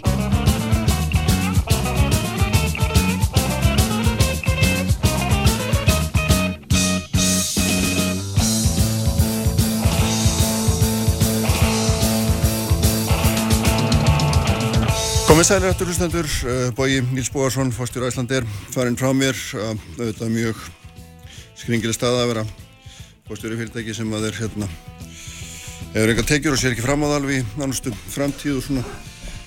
Allt einn kynist af óvissu en ég, hérna, við ætlum að halda áfram á þessu sviðu auðvitað, það er hérna þetta á hugmanns allan þessi, þessi flókna staða sem upp er núna og, og hérna mikla Skringilega óvisa Sigmundur Davík Gunnarsson, Þorkjörður Katrín Gunnarsdóttir og Sigur Ringi Jóhansson eru hérna hjá mér öll. Velkomin.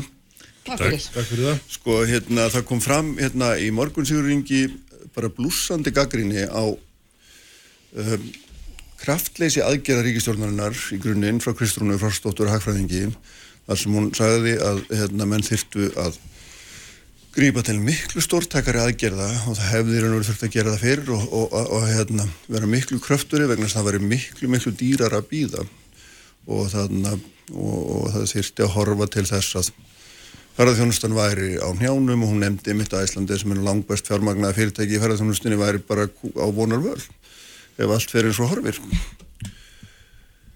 Þess að ég varpa til þín.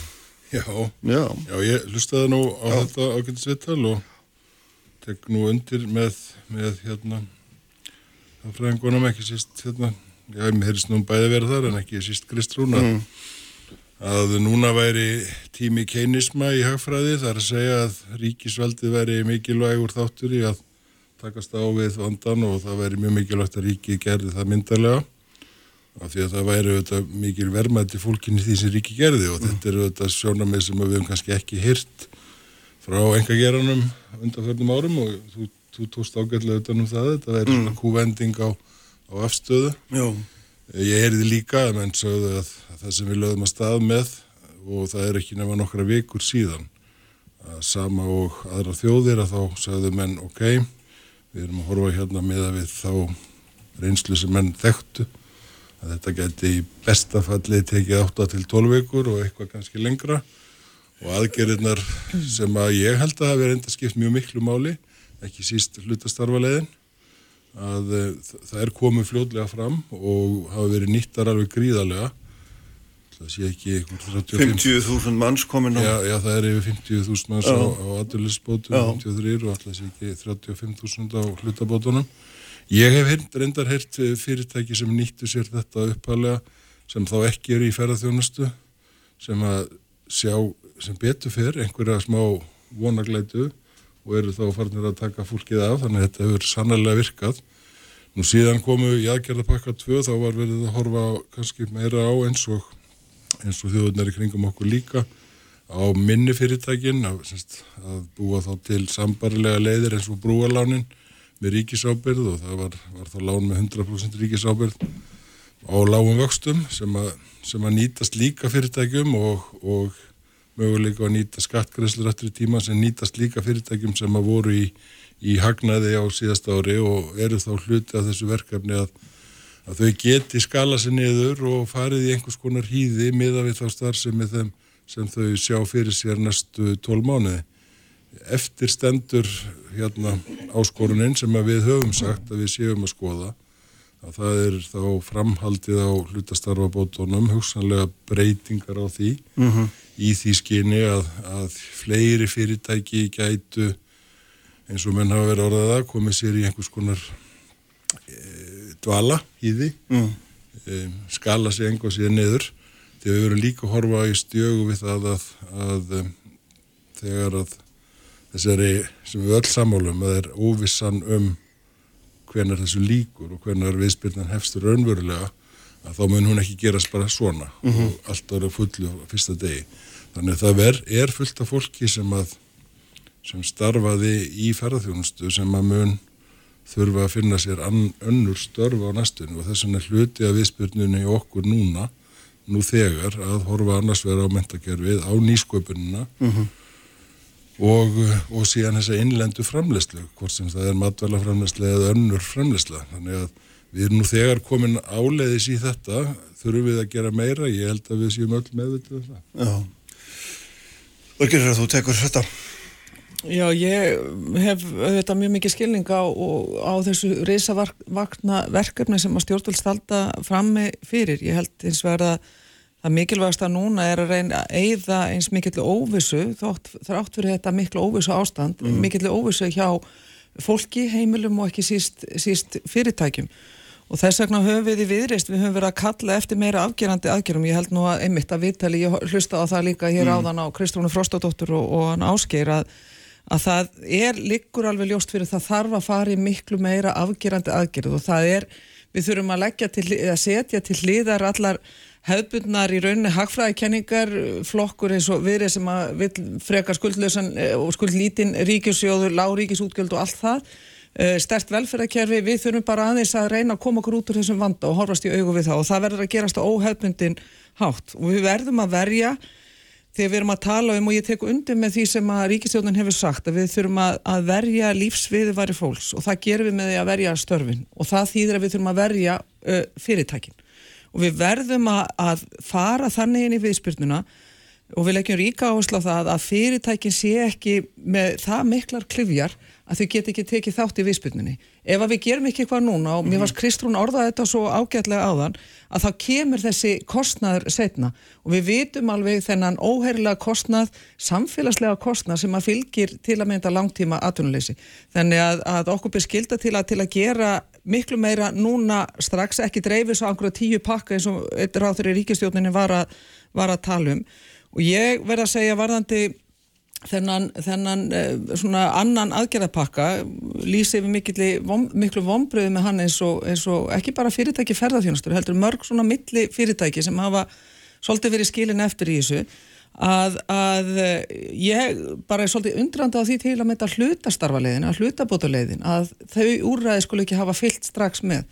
Og þá sé ég að því nú er uh, mánaðmótin að koma mm -hmm. og það skiptir mjög miklu mála helst að afgræða þetta bara strax út á þriðdæðin breytta hlutastarfa leið og ég til meðal annars með aðkomið þingsins þegar frumvarpi kom á sínu tíma frá ríkisjóðunum þá var það svolítið gallað þingi tóka svolítið í sinn faðum og breytti því og gerða þetta öflugur að heldur en er. Nú það þingi bara aftur að koma ef að það er skilvirkari leið koma og taka hlutastarfarleiðina og breytinni þannig til að mynda fyrirtæki Víkan út og stekka Já, víkan út og stekka þannig að til að mynda fyrirtæki ferðarþjónustur sem að verða að lifa lifa, sjá allavega einhvern möguleika þau finni fyrir því að þau fái tækifæri, mm -hmm. samkjönd tækifæri til þess að lifa af að, að hlutastarfalegin verði gildi líka í uppsagnarfrestu og verði borguð 100%. Ég held að þetta blasi við og það þarf bara taka ákvörðun um það og bara ágætt að Ríkisjónin viti það að hún hafi stuðninga minnstakostu okkar. Mm -hmm. Mér finnst þetta að taka á langan tíma hvernig að, að taka þessar ákvörðun. Ég gerir mér fyllilega grein fyrir umfanginu og erfileikunum en umfangi þarf að vera meira það að vera að kalla eftir í og ég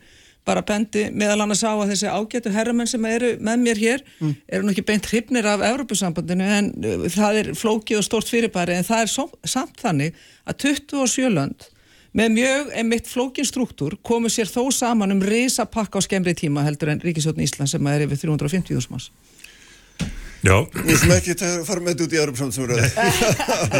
þeim er þetta er svona til þess að draga fram að það þarf að taka afgjörandi ákveð. Já, það segir samt sína sögu að Európa-sambandi getur komið saman pakka og skemmri tíma en Ríkistóðin Íslands. Það er enda rétt hjá Þorgirði. En, en í þessu gildir að það er ekki ráðinni mjög tíma sér tekið. Og þegar að Ríkistjórnin loksins kynnti fyrsta aðgerðapakkan, þá er hann kynntur sem 230 miljardar pakki. Þegar betur var að gáð þá var nú kannski lítið á baku þetta því megnið að þessu voru frestanir á skattgreslum til skamstíma og svo hugsanlega lán úr böngunum með, með ríkisábreða hluta. Þessi lán úr böngunum hef ekki skilað sér enn núna fimm ykkum setna, þessi brúarlánsokvölduðu vegna þess að það, það er svo flókið, það er svo margar hindranir í veginum. Og svo sáum við þennan annan aðgerðapakka og hann auðvitað miklu minni reyndar aftur reynda að hífa hann upp í upp í herru upphæðin en tilöfni var til með því að taka þið mitt aftur inn í hugsanlega lán og, og frestun á, á greiðslum. En það sem að maður óttast í þessu er að ríkistjórnin sé að reyna að treyna sér þetta of mikið. Svo mætir einnir á þeirra minnstakosti núna og segir að það verða minnstakosti tíu aðgerðapakkar. Mm -hmm. Og það veldur mér svo allum ágjum, ég mist vegna þess að þessar aðstæðar þarf að taka ákvarðanir eins fljótt og kostur er, jafnveg þó þessi ekki fullkomnar ákvarðanir, en það þarf stórar ákvarðanir og þær þurfa að byrja að virka strax. Ímyndum okkur svona til samanbörðar ef að í, í, í miðju bankarhunnu að menn hefðu ætlað að kynna neyðarlög og önnur úrraðið svona í skrefum, kannski í tíu pökkum næstu vikur og mánuði. Auðvitað alltaf er aðstæðar, ég, ég veit það. En en enga síður er það samilegt með þessu að það er neyðar ástand sem þarf að grýpa inn í hratt og aðgerðir virka ekki almenlega nema þær komi í tæka tíð. Því að þegar að fyrirtækin eru farin í drót, þegar fólki er búið að missa vinnuna efnaðslegi skadin er orðin þá verða allar þær aðgerðir sem koma á eftir -hmm. miklu dýrari og óskilvirkari. Hva, Hvað myndur þú gera núna sem dröðu bara, hérna, ég réttið bara valdarsprotan Já, ef þú ætlar að gefa mér tími að svara því, þá já, skal ég gera það. Nei, þú veist alveg hvað þú hefur bara, já, já. hvað er svona, þú veist, nummer eitt.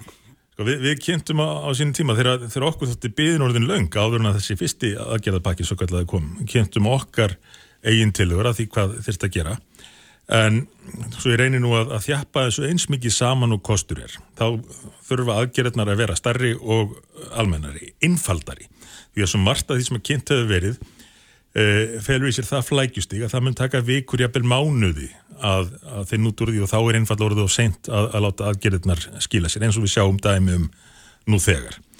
Nú það sem er kannski mest aðkallandi að mista kosti einna mest eitt af, eitt af þeim aðgerðin sem eru hefðu þurft að gerast fyrir lungu er að koma til móts við ferðarþjónustuna með aðgerðum sem er í samræmi við vanda þeirrar greinar og ég nú þó ánægur að heyra að umræðin er að færast yfir þetta sem við höfum talað fyrir að það þurfi einfalla að gefa þessum fyrirtæki tækifæra og að fara í dvala í frost til að lifa af þanga til að e, ástandi batna. Það sem á alls, alls ekki henda er að bankarnir einfalla yfirtæki þessi fyrirtæki rekið þessu jafnvel sjálfur í samkeppni við þá sem enn er að reyna að þrauka mm. og selju svo þegar allt er um gardgengið. Því að fólk um allt land er búið að leggja allt sitt og ómælda vinni að byggja þetta upp. Og þessi tímabundna krísa má ekki vera til þess að, að það missi allt, allt sem það hefur lagt í þetta. Sko það er þetta, hérna, eftir því sem þau sögðu að anhagfræðingarnir sem að halda áfram að vitna þau auðvitað hægt að dreifa svona vanda eins og þessum mann hérna, skuldsittar ekki svo verulega yfir langan tíma. Og hérna þannig að hérna, það er ekkert sem mælir gegn því út frá þeim sjónamöðum að fara í hressilega rækjum bara minnir á að sko landsbankin á sínum tíma 2008 fekk einhverja 120 miljardar frá ríkisjóði bankakerfið allt einhverja 200 miljardar gefna út á skuldabrefum sem það reyndur svo vera hérna, eh, ekkit greitt af fyrir eftir, uh, hérna, eftir allt var komið í gott lag. Ég meina þurfum við ekki einhverja svona hugsunnsjóringi Jú það er engin spurning.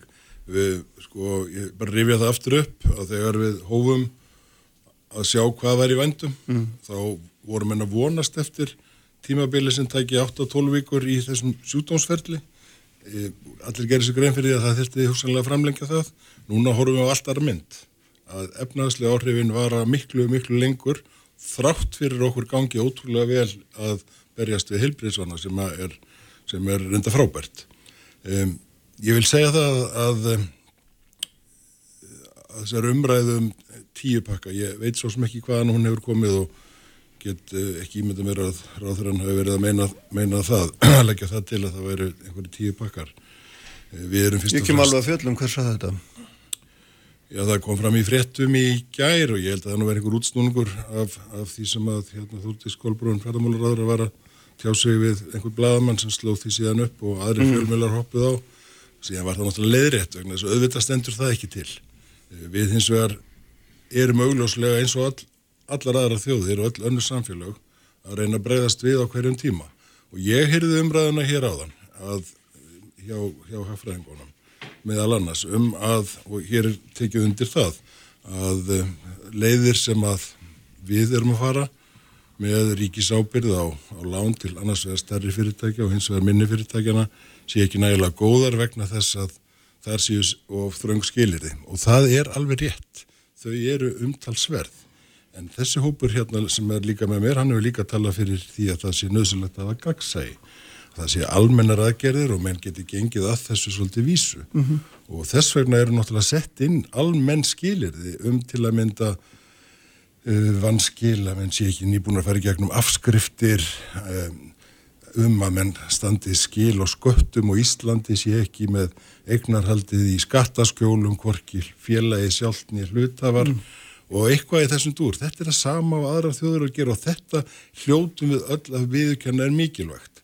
Ég hef ekki hirt annað og við frá bankakerfuna það sé viljótt til að beita þessum leiðum og það gangi á marganhátt ágætlega og menn séu raun og veru ekki vegna þess að við og í samstarfi Sælabankan eh, tryggðum að það væri ná löst fyrir hjá bankunum að þá væru þeir þegar byrjaðir að vinna með fyrirtækjunum og síðan myndu þeir grípa til mm. þessara, e, þessara svona loka úræða, brúa lánana eða annar úræða sem að að í bóði eru með ríkisábyrð.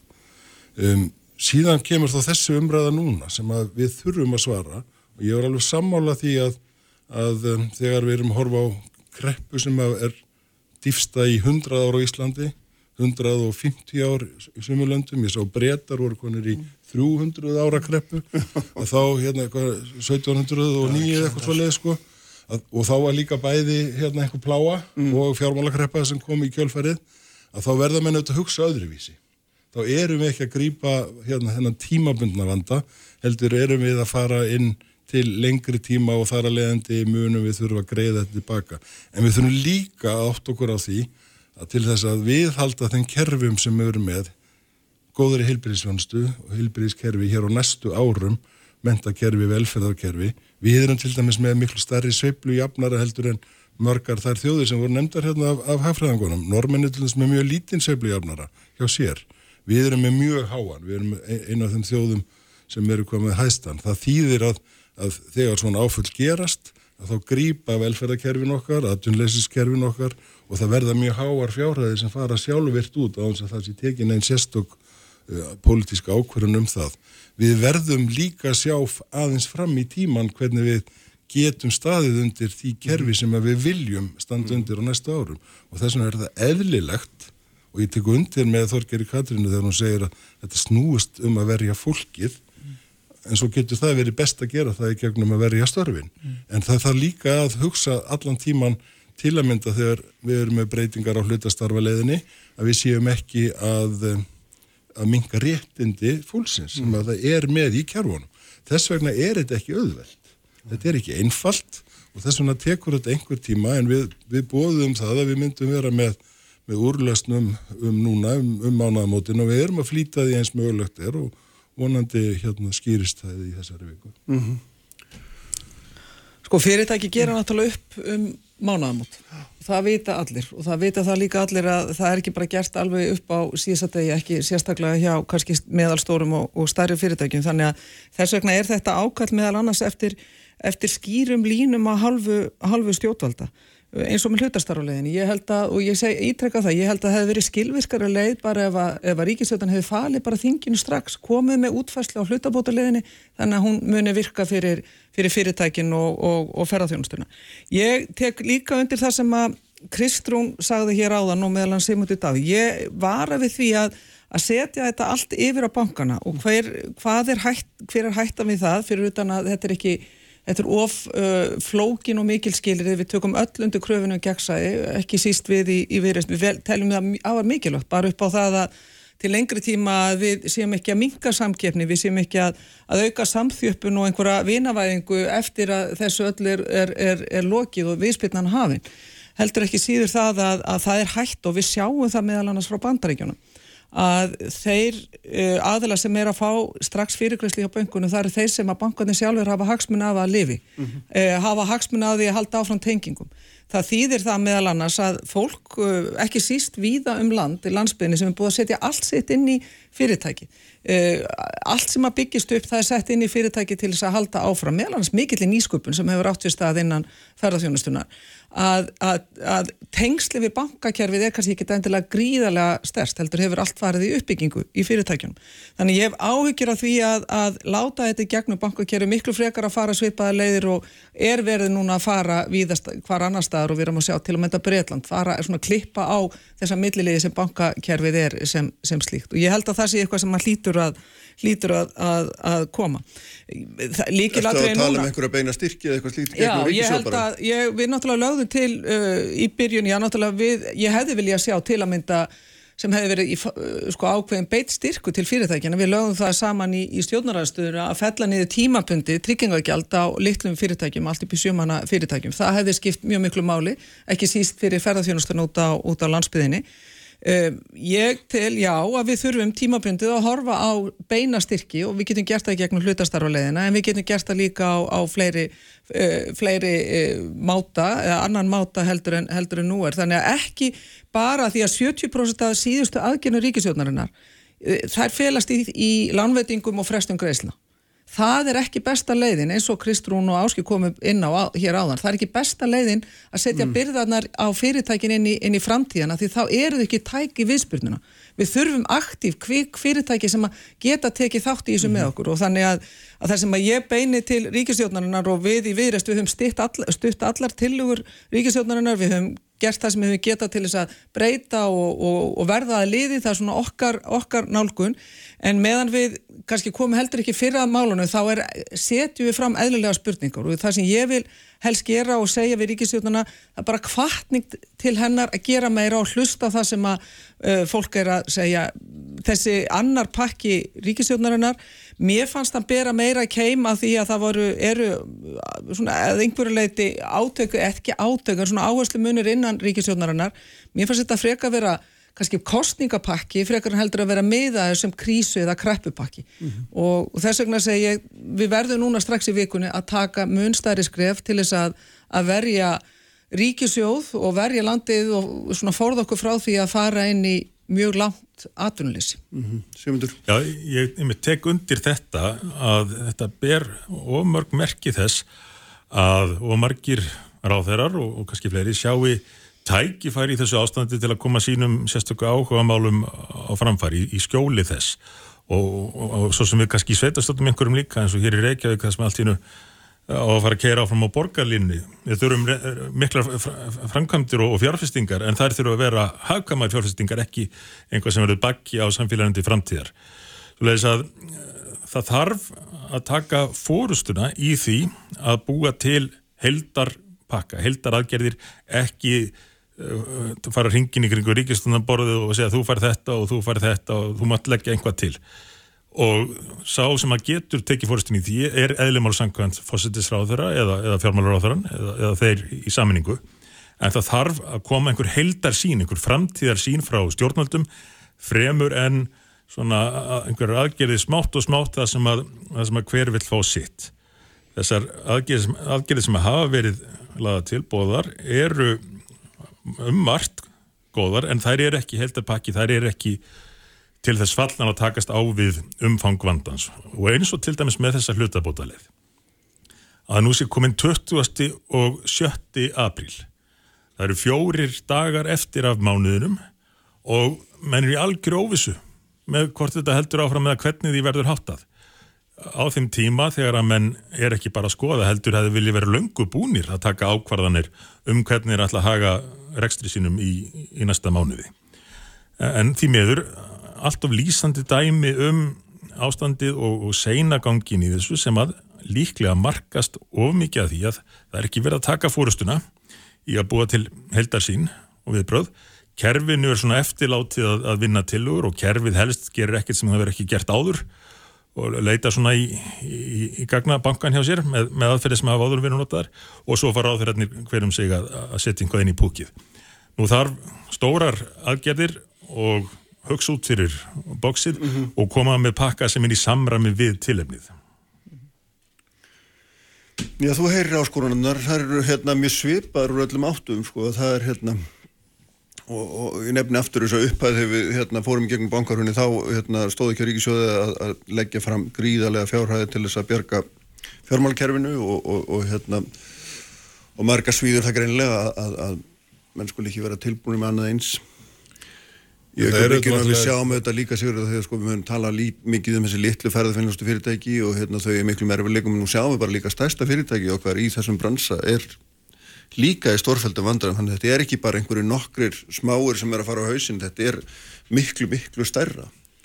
Já, nú er það þannig að, að í ferðarfinnlustinu og sérstaklega í flugræksturinn í heiminum þá hafa nú verið erfið tímar sko, áður en þetta gerðist Já, já, já, já. en nú vorum við að tala um og, þetta nákvæmlega og, og, hérna, og fyrir vikið kannski vorum en eh, í verðstakk búnir að takast á við það sem nú er í gangi eh, það er, ég veit ekki hvað alveg hvað menn er að tala um, ég er hins vegar sammála því að mér hef hundist samstarfi við þingi ganga ágætlega. Hugmyndir, tillögur sem að, sem að hérna uh, auðvitað þarf að finna upp vegna þess að þetta eru fordamillisir tímar þannig að það er ekkert verið að taka eitthvað úr skúfónum það er aldrei sérst að breyðast við slíku á nýjum tímum og, og, hvað þá í, í, í hérna, heimi sem er orðin í aptengtur eins og hann er í dag að þá eru mennu þetta breyðast við með algjörlega nýstarlegum hætti um, allir við séum ekki nú þegar komin í einhverja stærðargráðu 250-300 miljardar sem að ríkisjóður er að taka á sig umfram getu á þessu ári. Um, og það eru og við munum auðvitað þurfa að horfast, á, horfast í augu og það er áskorunin. Að það að gera ekkert er ekki valkostur því að það getur verið miklu dýrar mm. Heldur en að grýpa til mm -hmm. en þú þart að velja réttu leiðina fyrirtækin verða geta valið hlutastarfa leiðin hún gildir út mæ, fyrirtæki sem tóku ákvörðun í lok mars hvað þau ætlið að gera tóku þá ákvörðun út frá því sem þau vissu þá þau vita meira núna um hver þróun á vírusnum er og hvað hvenar hugsanlegri óvissu um það hvenar því líkur. Mm -hmm. uh, við erum að gera mjög góða hluti hérna innanlands. Við erum ríkistjórnin nákvæmlega og þetta er náttúrulega frálegt að hér séu ykkur ráþærar að setja inn einhver gæluverkefni. Hér er verið að horfa heilstætt á það að við munum þurfa eins og allar, öll reynsla, allra þjóða af öllum kreppum er að við munum þurfa í kjölfarið að, að ebla mentakerfi, það verður ásókn í að fara í endurmentun, símentun, við höfum til að mynda öll vita það að hér vantar meira fólki í starfsnám, ekkit endilega, ekkit endilega fleiri í gegnum háskólana mm. en meira í starfsnám, þá setjum við þetta áherslur þangað. Við, við vitum að við þurfum að fara í, í, í ennfregari nýsköpun, ég held við sínum öll saman um það og vegna þess að þar munu verða ekki bara nýstörf En þurfum ekki að redda okkur út úr því sem við erum í núna áður en við þurfum að velta það, þessu? Nei, við verðum að gera þetta á sama tíma Já, við þurfum að, við þurfum að starfa eldin með hann að brenna Það er ekki sko. hægt að segja við fólk herðu, nú ætlum við bara að frista hér allt saman og þú átt bara að vera á einhverjum bótum í tólmánuði. Við verðum núna að finna leiðirnar til þess að fólk geti farið að velja sér nýjar leiðir og leiðirnar eiga allar að miða því að búa hér til auknar tekjur fyrir þetta samfélag meðal annars til þess að greiða tilbaka það tjón sem við verðum fyrir en líka til þess að búa til framtíða tekjur fyrir hérna, Ísland og ég er ekkert svarsitt í því samengi því að núna er bara allur heimurinn í þessu. Þannig að nú er bara samkeppni hvert samfélag stennst þessa kröfu best. Og ég er samfærður um okkar samfélag eins fáment og lítið það er en líka að blögt að það muni geta gert það. En þá þurfum við líka að taka réttu ákvarðinnar núna og við e- teljum okkur að við séum að gera það meðal annars samhliða því að, að bregðast við vörnunum og verndinni. Mm hérna, eitt sem er svo langar að ykkur um öll áðurum við, áðurum við hættum þessu og það er, það er Æslandir svo hann var hérna að bæja þann og, og hérna var nú barsifum bara nokkuð vel þótti mér með við hérna, með stöðuna. En, en það er auðvitað ljóst að sko, eitt grundvallar atriði fyrir okkur er að hafa góða samgöngurinn út á landinu og, hérna, og við erum með þetta eina fyrirtæki sem sinnir þeim í fluginu. Og ríki verður vendanlega að koma það inn með einhverjum hætti, hann talaði um að það væri verið að undirbúa samkomlega þar sem að ríki kemur með lánanlílunni í lokin eftir að væri búið eftir öðrum leiðum, þú sagði sjálfur í gerð sigur ringi að þeir þetta bjarga sér út úr þessu sjálfur uh, ekki myndið að segja að það væri hérna vannmat á stöðunni. En hvað finnst ykkur, hérna, ef þú byrjar sigmundur og við tökum eldsnögt eitt út á þessu? Já, já, sko, einmitt, þetta setur hlutin í ágætti samingi því að allt tala um nýsköpun er gott og ég held að allir stjórnmálamenn séu lindir nýsköpun þó það gerist þetta mismikið í því.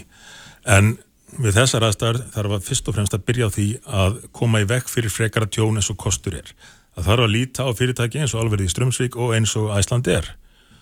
Og uh, það er alveg förðulegt að, fyrst mér, að heyra það að það er eins og stjórnvöld hafi ekki mótað sér stefnu í því hvernig þú ætla að nálgast Æslandi er eða, eða breyðast við þar búið til sviðsmyndir eftir því hvernig, hvernig hlutin er þróast í því fyrirtæki.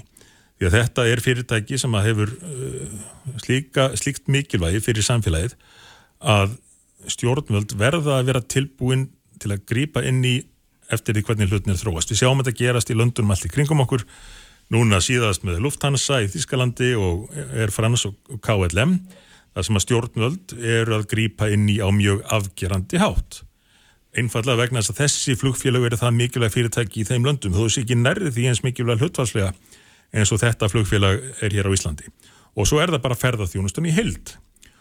Og ótrúlegt að menn skuli ennþá vera að tala á þeim nótum að þeir séu að velta fyrir sér stöðinni og hvernig eigi að bregðast við þessu. Þegar að fyrirtækin eru að lendi í þeirri stöðu að þau get ekki greitt 25% hlutabætunar og get ekki greitt uppsagnarfrestin. Með öðrum orðum, það er bara hægt á því að jafnvel strax um mánuðamótin fari fjöldi fyrirtækja í þrótt sem að geta þá ekki einu sinni greitt uppsagnarfrest. Og, og stjórnvöld segjast vera að velta þessum hlutum fyrir sér og, og skoða. Þetta dugar ekki við þessar aðstæður. Þorgerður Já, ég gera nú ráð fyrir því að því það er nú held ég bara allir sammálu um það hversu mikilvægt Æslandir hefur fyrir samfélagi og líka bara upp á það að það verði hér raunveruleg viðspilna og ég bara gerir, geng út frá því að stjórnvöld sé í, í nánum samtölum mm. við Æslandir og ég skil það vel ef að þau vil ekki vera að draga það fram hér og mér fannst fórstjóri Æslandir áðan svona svolítið skauta í kringum þetta, ég, það segir mér það að það eru samtölu í gangi og ég bara ef, ef að það er ekki að þá er það stór neysa og þá ætti bara ríkisjóðun að segja af sér ef, að, ef að svo verð ekki en ég geng út frá því mm. að menn sé í, í því að, að reyna að líta til annara landa því vissulega að það hafa önnur lönd út frá þjóðarslegu mikilvægi flugfélag verið að, að hlaupa undir pakka með lufthansa með Air France og öllum þessum, þessum fyrirtækjum. En ég vil aðeins út af, út af því að ég tek undir með segmundi, veist, það er náttúrulega, það, það gengur ekki að ef að ríkisöndar er ennþá að, að hugsa svo um hvað er að gera núna til þess að reyna að, að stoppa þessa miklu blæðingu, heldur bara að reyna að koma í, í vekk fyrir að það verði hér fjölda gjaldrótt og, og fólk fá ekki svona einhverja sínin í framtíðina, þannig að hún hlýtur að fara að sína strax á spilin, strax á morgun, en á hinbóin að þá eru alla ríkistjóknir sem að hafa svolítið glemt sér á vaktinni frá hrunni að því leitunni til að, að ferðarþjónastunni kemur upp og við munum, sko, við munum halda áfram að rýsa upp með ferðarþjónastunni, það er ekki spurning.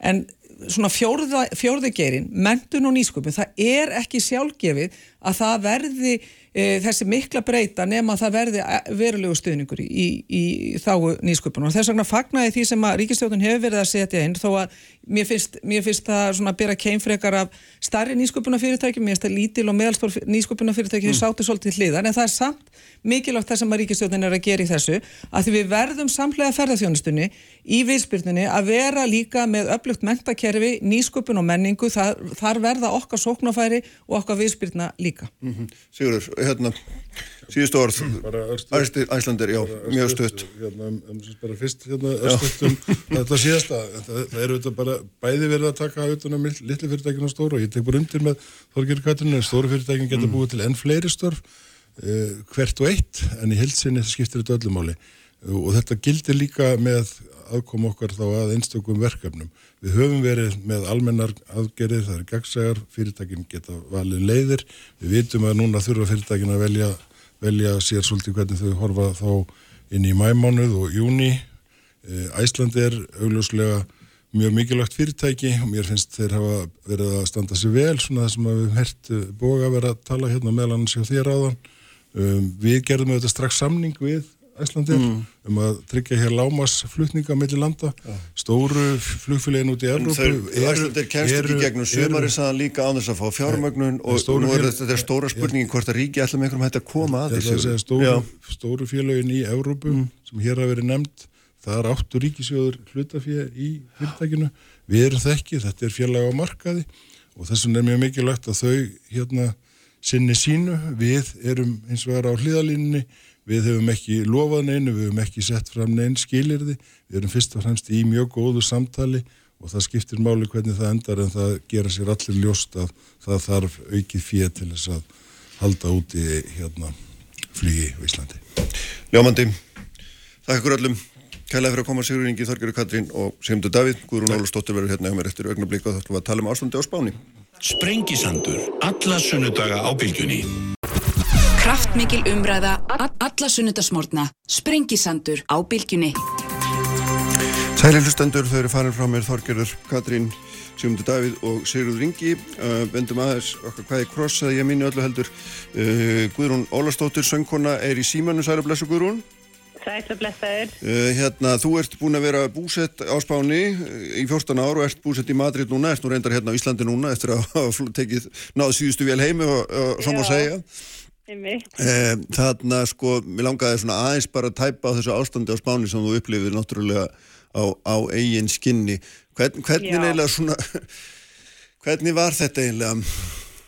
Já, fyrst var þetta sko, þú veist, þannig að maður var náttúrulega að fá fréttir hérna frá, þú veist, frá Kína og Ítalju og eitthvað var að gerast og það var einhver vírus og eitthvað svona en, en þú veist, maður var ekkert kannski að hafa miklar ágjur á þessu, þá er ég að tala um kannski, þú veist, svona í, í februar sko. Já og svona, þú veist, og svimir voru að hafa ágjur það var mikið rætt og aðri voru að segja hvað, þetta er bara eitthvað svona kvef og, og þú veist, fólk var ég að halda að það væri einhverja svona, þú veist, að það var ímsa samsæriskenningar og þú veist, í gangi og þetta væri ekki neitt þetta er bara eitthvað svona, þú veist, það er eðlilegt að fólk degi úr einhverju flensu og svona, mm -hmm. ég veit, var fólk bara svona frekar rólegt yfir þessu, en það er kannski ekki átt ára svonum minn í skólanum, hann var svona svona sem var hrættastur öllum sem ég, sem ég þekki en hérna því að það að vera að tala um því skólanum og krökkunum að kenta þú, hvernig að þvó sér um hendurna svona í 30 sekundur og, og það var svona, byrjaði að leggja mikið upp úr sko, svona ekstra sinnleiti sko mm -hmm.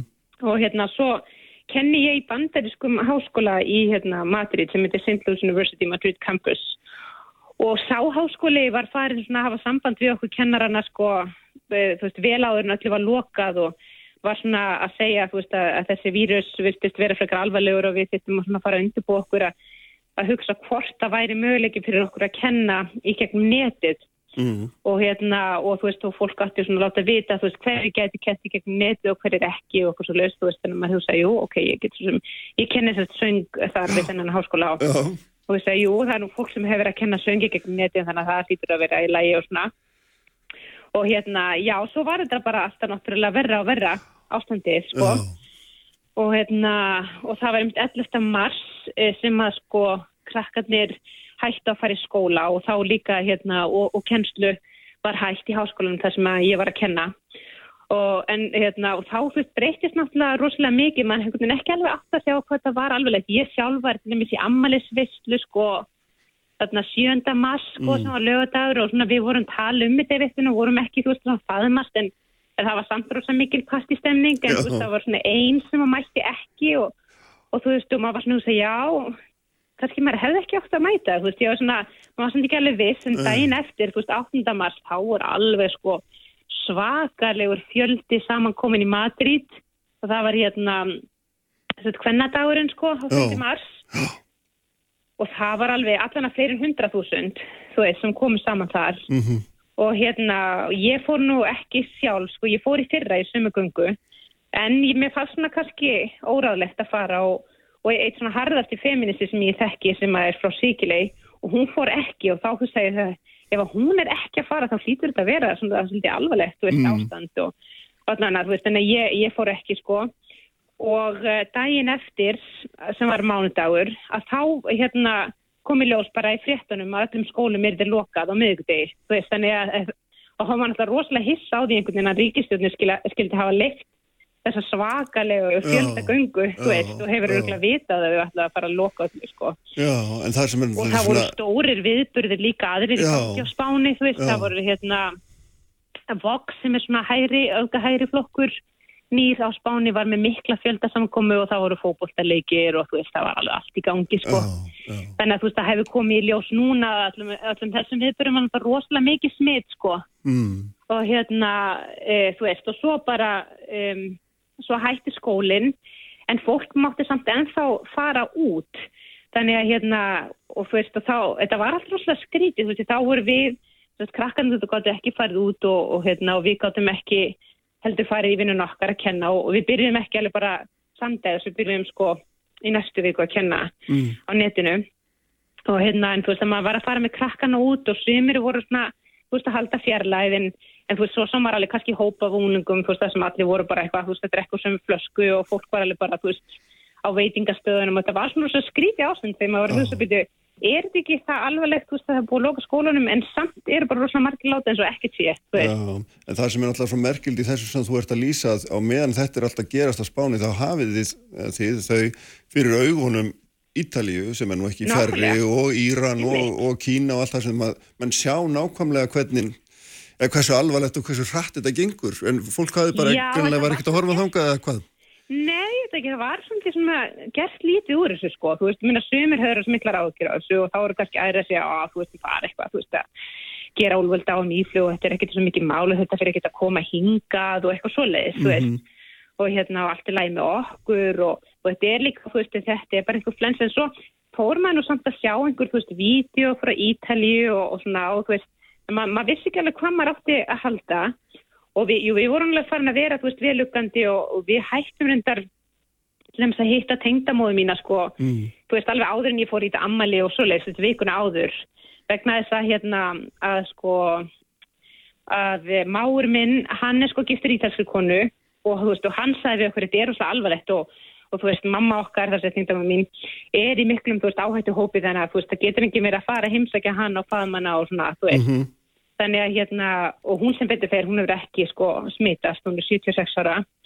En þú veist, hún hefur ekki sko þú veist, hitt neitt að faðma neitt skilur, þú veist, bara í, í 6 eða 7 vikur held ég, sem er náttúrulega rosalega þú veist, sérstaklega mannski sem býr einn býr einn, þú veist, hún er ekki allavega heimilega neitt, þú veist, og Nei, bara nei, akkurat. er alveg, þú veist, bara þess og, og svona sér um sig sjálf og svo leiðis en þú veist, þannig hún hefur, og, og þetta er svona rosalega líkona sem á fimm börn, þú veist, og mörg batnabörn og alltaf þú veist, fullt af fólki heima og sér og elda fyrir alla og Já. faðma og knúsa og rosalega hlýð, þú veist, og er ekki en þetta er náttúrulega mjög erfitt, þú veist, fyrir fólk sem að býr eitt, við erum allavega fjörumanna fjölskylda og höfum að verið saman. Já, einmitt. Og hérna, en þú veist, en jú, það er satt, sko, þú veist, minna, þetta hugsa maður eftir á bara, vá, það er náttúrulega átt að gera eitthvað, svo náttúrulega enga grímur og svo, þú veist, og fólk verð ekki, þú veist, ráðlegt að nota grímur eða, þú veist, hanskaðin eitt, bara, já, bara þið verið að þú okkur um hendurnar og eitthvað svo leiðis, þú veist, Mhm. þannig að ég held að það hafi rosa mikið verið kannski gert lítið, þú veist, úr þessu, sko. Já, hefur, hefur þetta ekki vakið svona, hvað maður að segja, reyði almennings, hvað svona stjórnvöldur eru sein á sér og ég miskist að vera lítið til af einmitt af því sem vart að nefna grímum og hanskum og,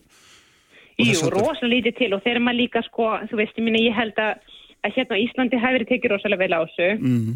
og þú veist, og í, í Evrópu með þeim eins og Þískalandi freka vel, þú veist, og náttúrulega kannski, þú veist, þau lönd sem að hafa staðið sér svo vel, sem eru, þú veist, svona stærri lö- lönd, þú veist, eins og Suðu Kórea og, og það er í kring þessi lönd sem að, þú veist, höfðu gengið gegnum kannski svipar krísur áður, sko, með öðrum vírusum sem hefði ekki náð til okkar, þú veist, fuglaflensun og þetta, sko. Þú veist, þannig að það er líka allt annað kultúr, þú veist, það er, eru bara allir, þú veist, eins og við erum kannski öll með einhvers konar panodíl, þú veist, heima, að það eru allir með grímur, þú veist, og ef einhver fær kvef, þá er bara dónaskapur að setja ekki á sig grímu, þú veist, eins og hjá okkur, ég minna, þú veist, einhverju með kvef og kannski bara eitthvað sjúpi nefið eða snýta sér og, eða þurka sér með, þú veist, hendinni og heldur svo bara áfram.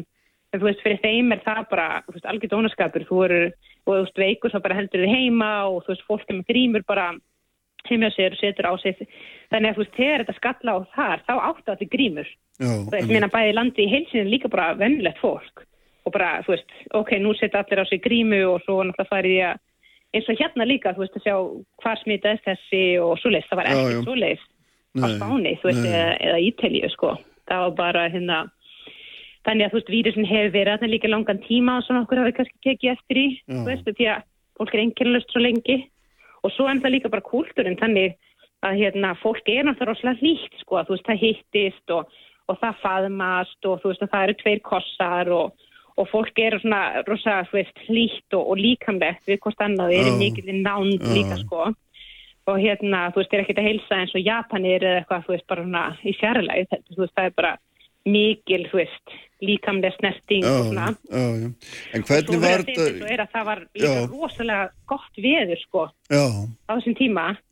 Þannig að hérna, þú veist, það hefði verið rigning og leiðilegt veður og svona svo allt einu bara kom sólinn og rosa híti og allir fóru út, þú veist, og hérna, og fólk satt úti, þú veist, á veitingastöðunum og var þessi svaka partistöði.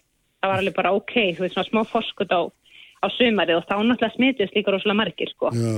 En hvernig var, nú er þetta þekkjum við svona uh, sögu sko stjórnmálun á spánu undarfarna hérna áratugar mikil spilling náttúrulega marsinni skoðum på yfirborðu og svona viðvíkjandi, nei við, viðvarandi hérna vantröst og þess að og nú var allt í innu lögreglinn komin út á götu og herinn og, og hérna fólki satt að halda sig innan dyr og sagt að það var ekki átt ekki lögum að þetta erindi, menna var þetta ekki svona, var þetta þrúandi eða hvernig?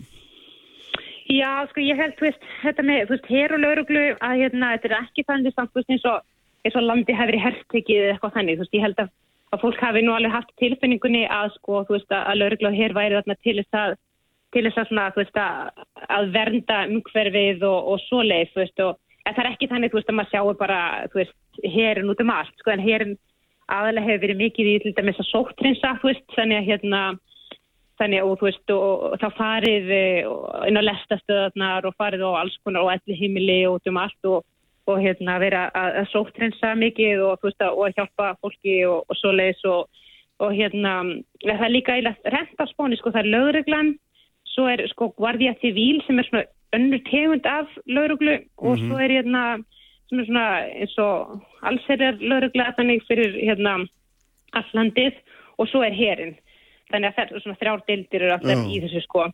Og hérna en jú það er satt ég minna þú veist fólk bara þú veist ef að það er út á götu og hefur ekki gilda ástæðu þá er það bara þú veist sektað og það er held ég eitthvað lægsta sektin eða eitthvað þú veist 100 eurur og svo getur þetta farið upp í eitthvað 60.000 eurur sko. Já, þannig að ef þú veist að stopna sko almanna hérna hilli eða eða hvernig sem maður segir að þú veist í hættu sko. Já, já, þannig að hérna og það hafa mjög margir verið handteknir og, og svona þú veist og, og fólk uh, hefur náttúrulega kannski mismikið skilning á því veist hvað það er mikilvægt að vera heima líka kannski þú veist því að, því að hérna fólk er kannski ekki bara að venda sjálf sig með því að vera heima heldur hína sem eru kannski meiri þú veist áhættu hópi þannig að þetta er náttúrulega spurningum svona þú veist samfélagsábyrð eins og ég held að það hefur líka verið að tala mikið um hérna þú veist já, að já.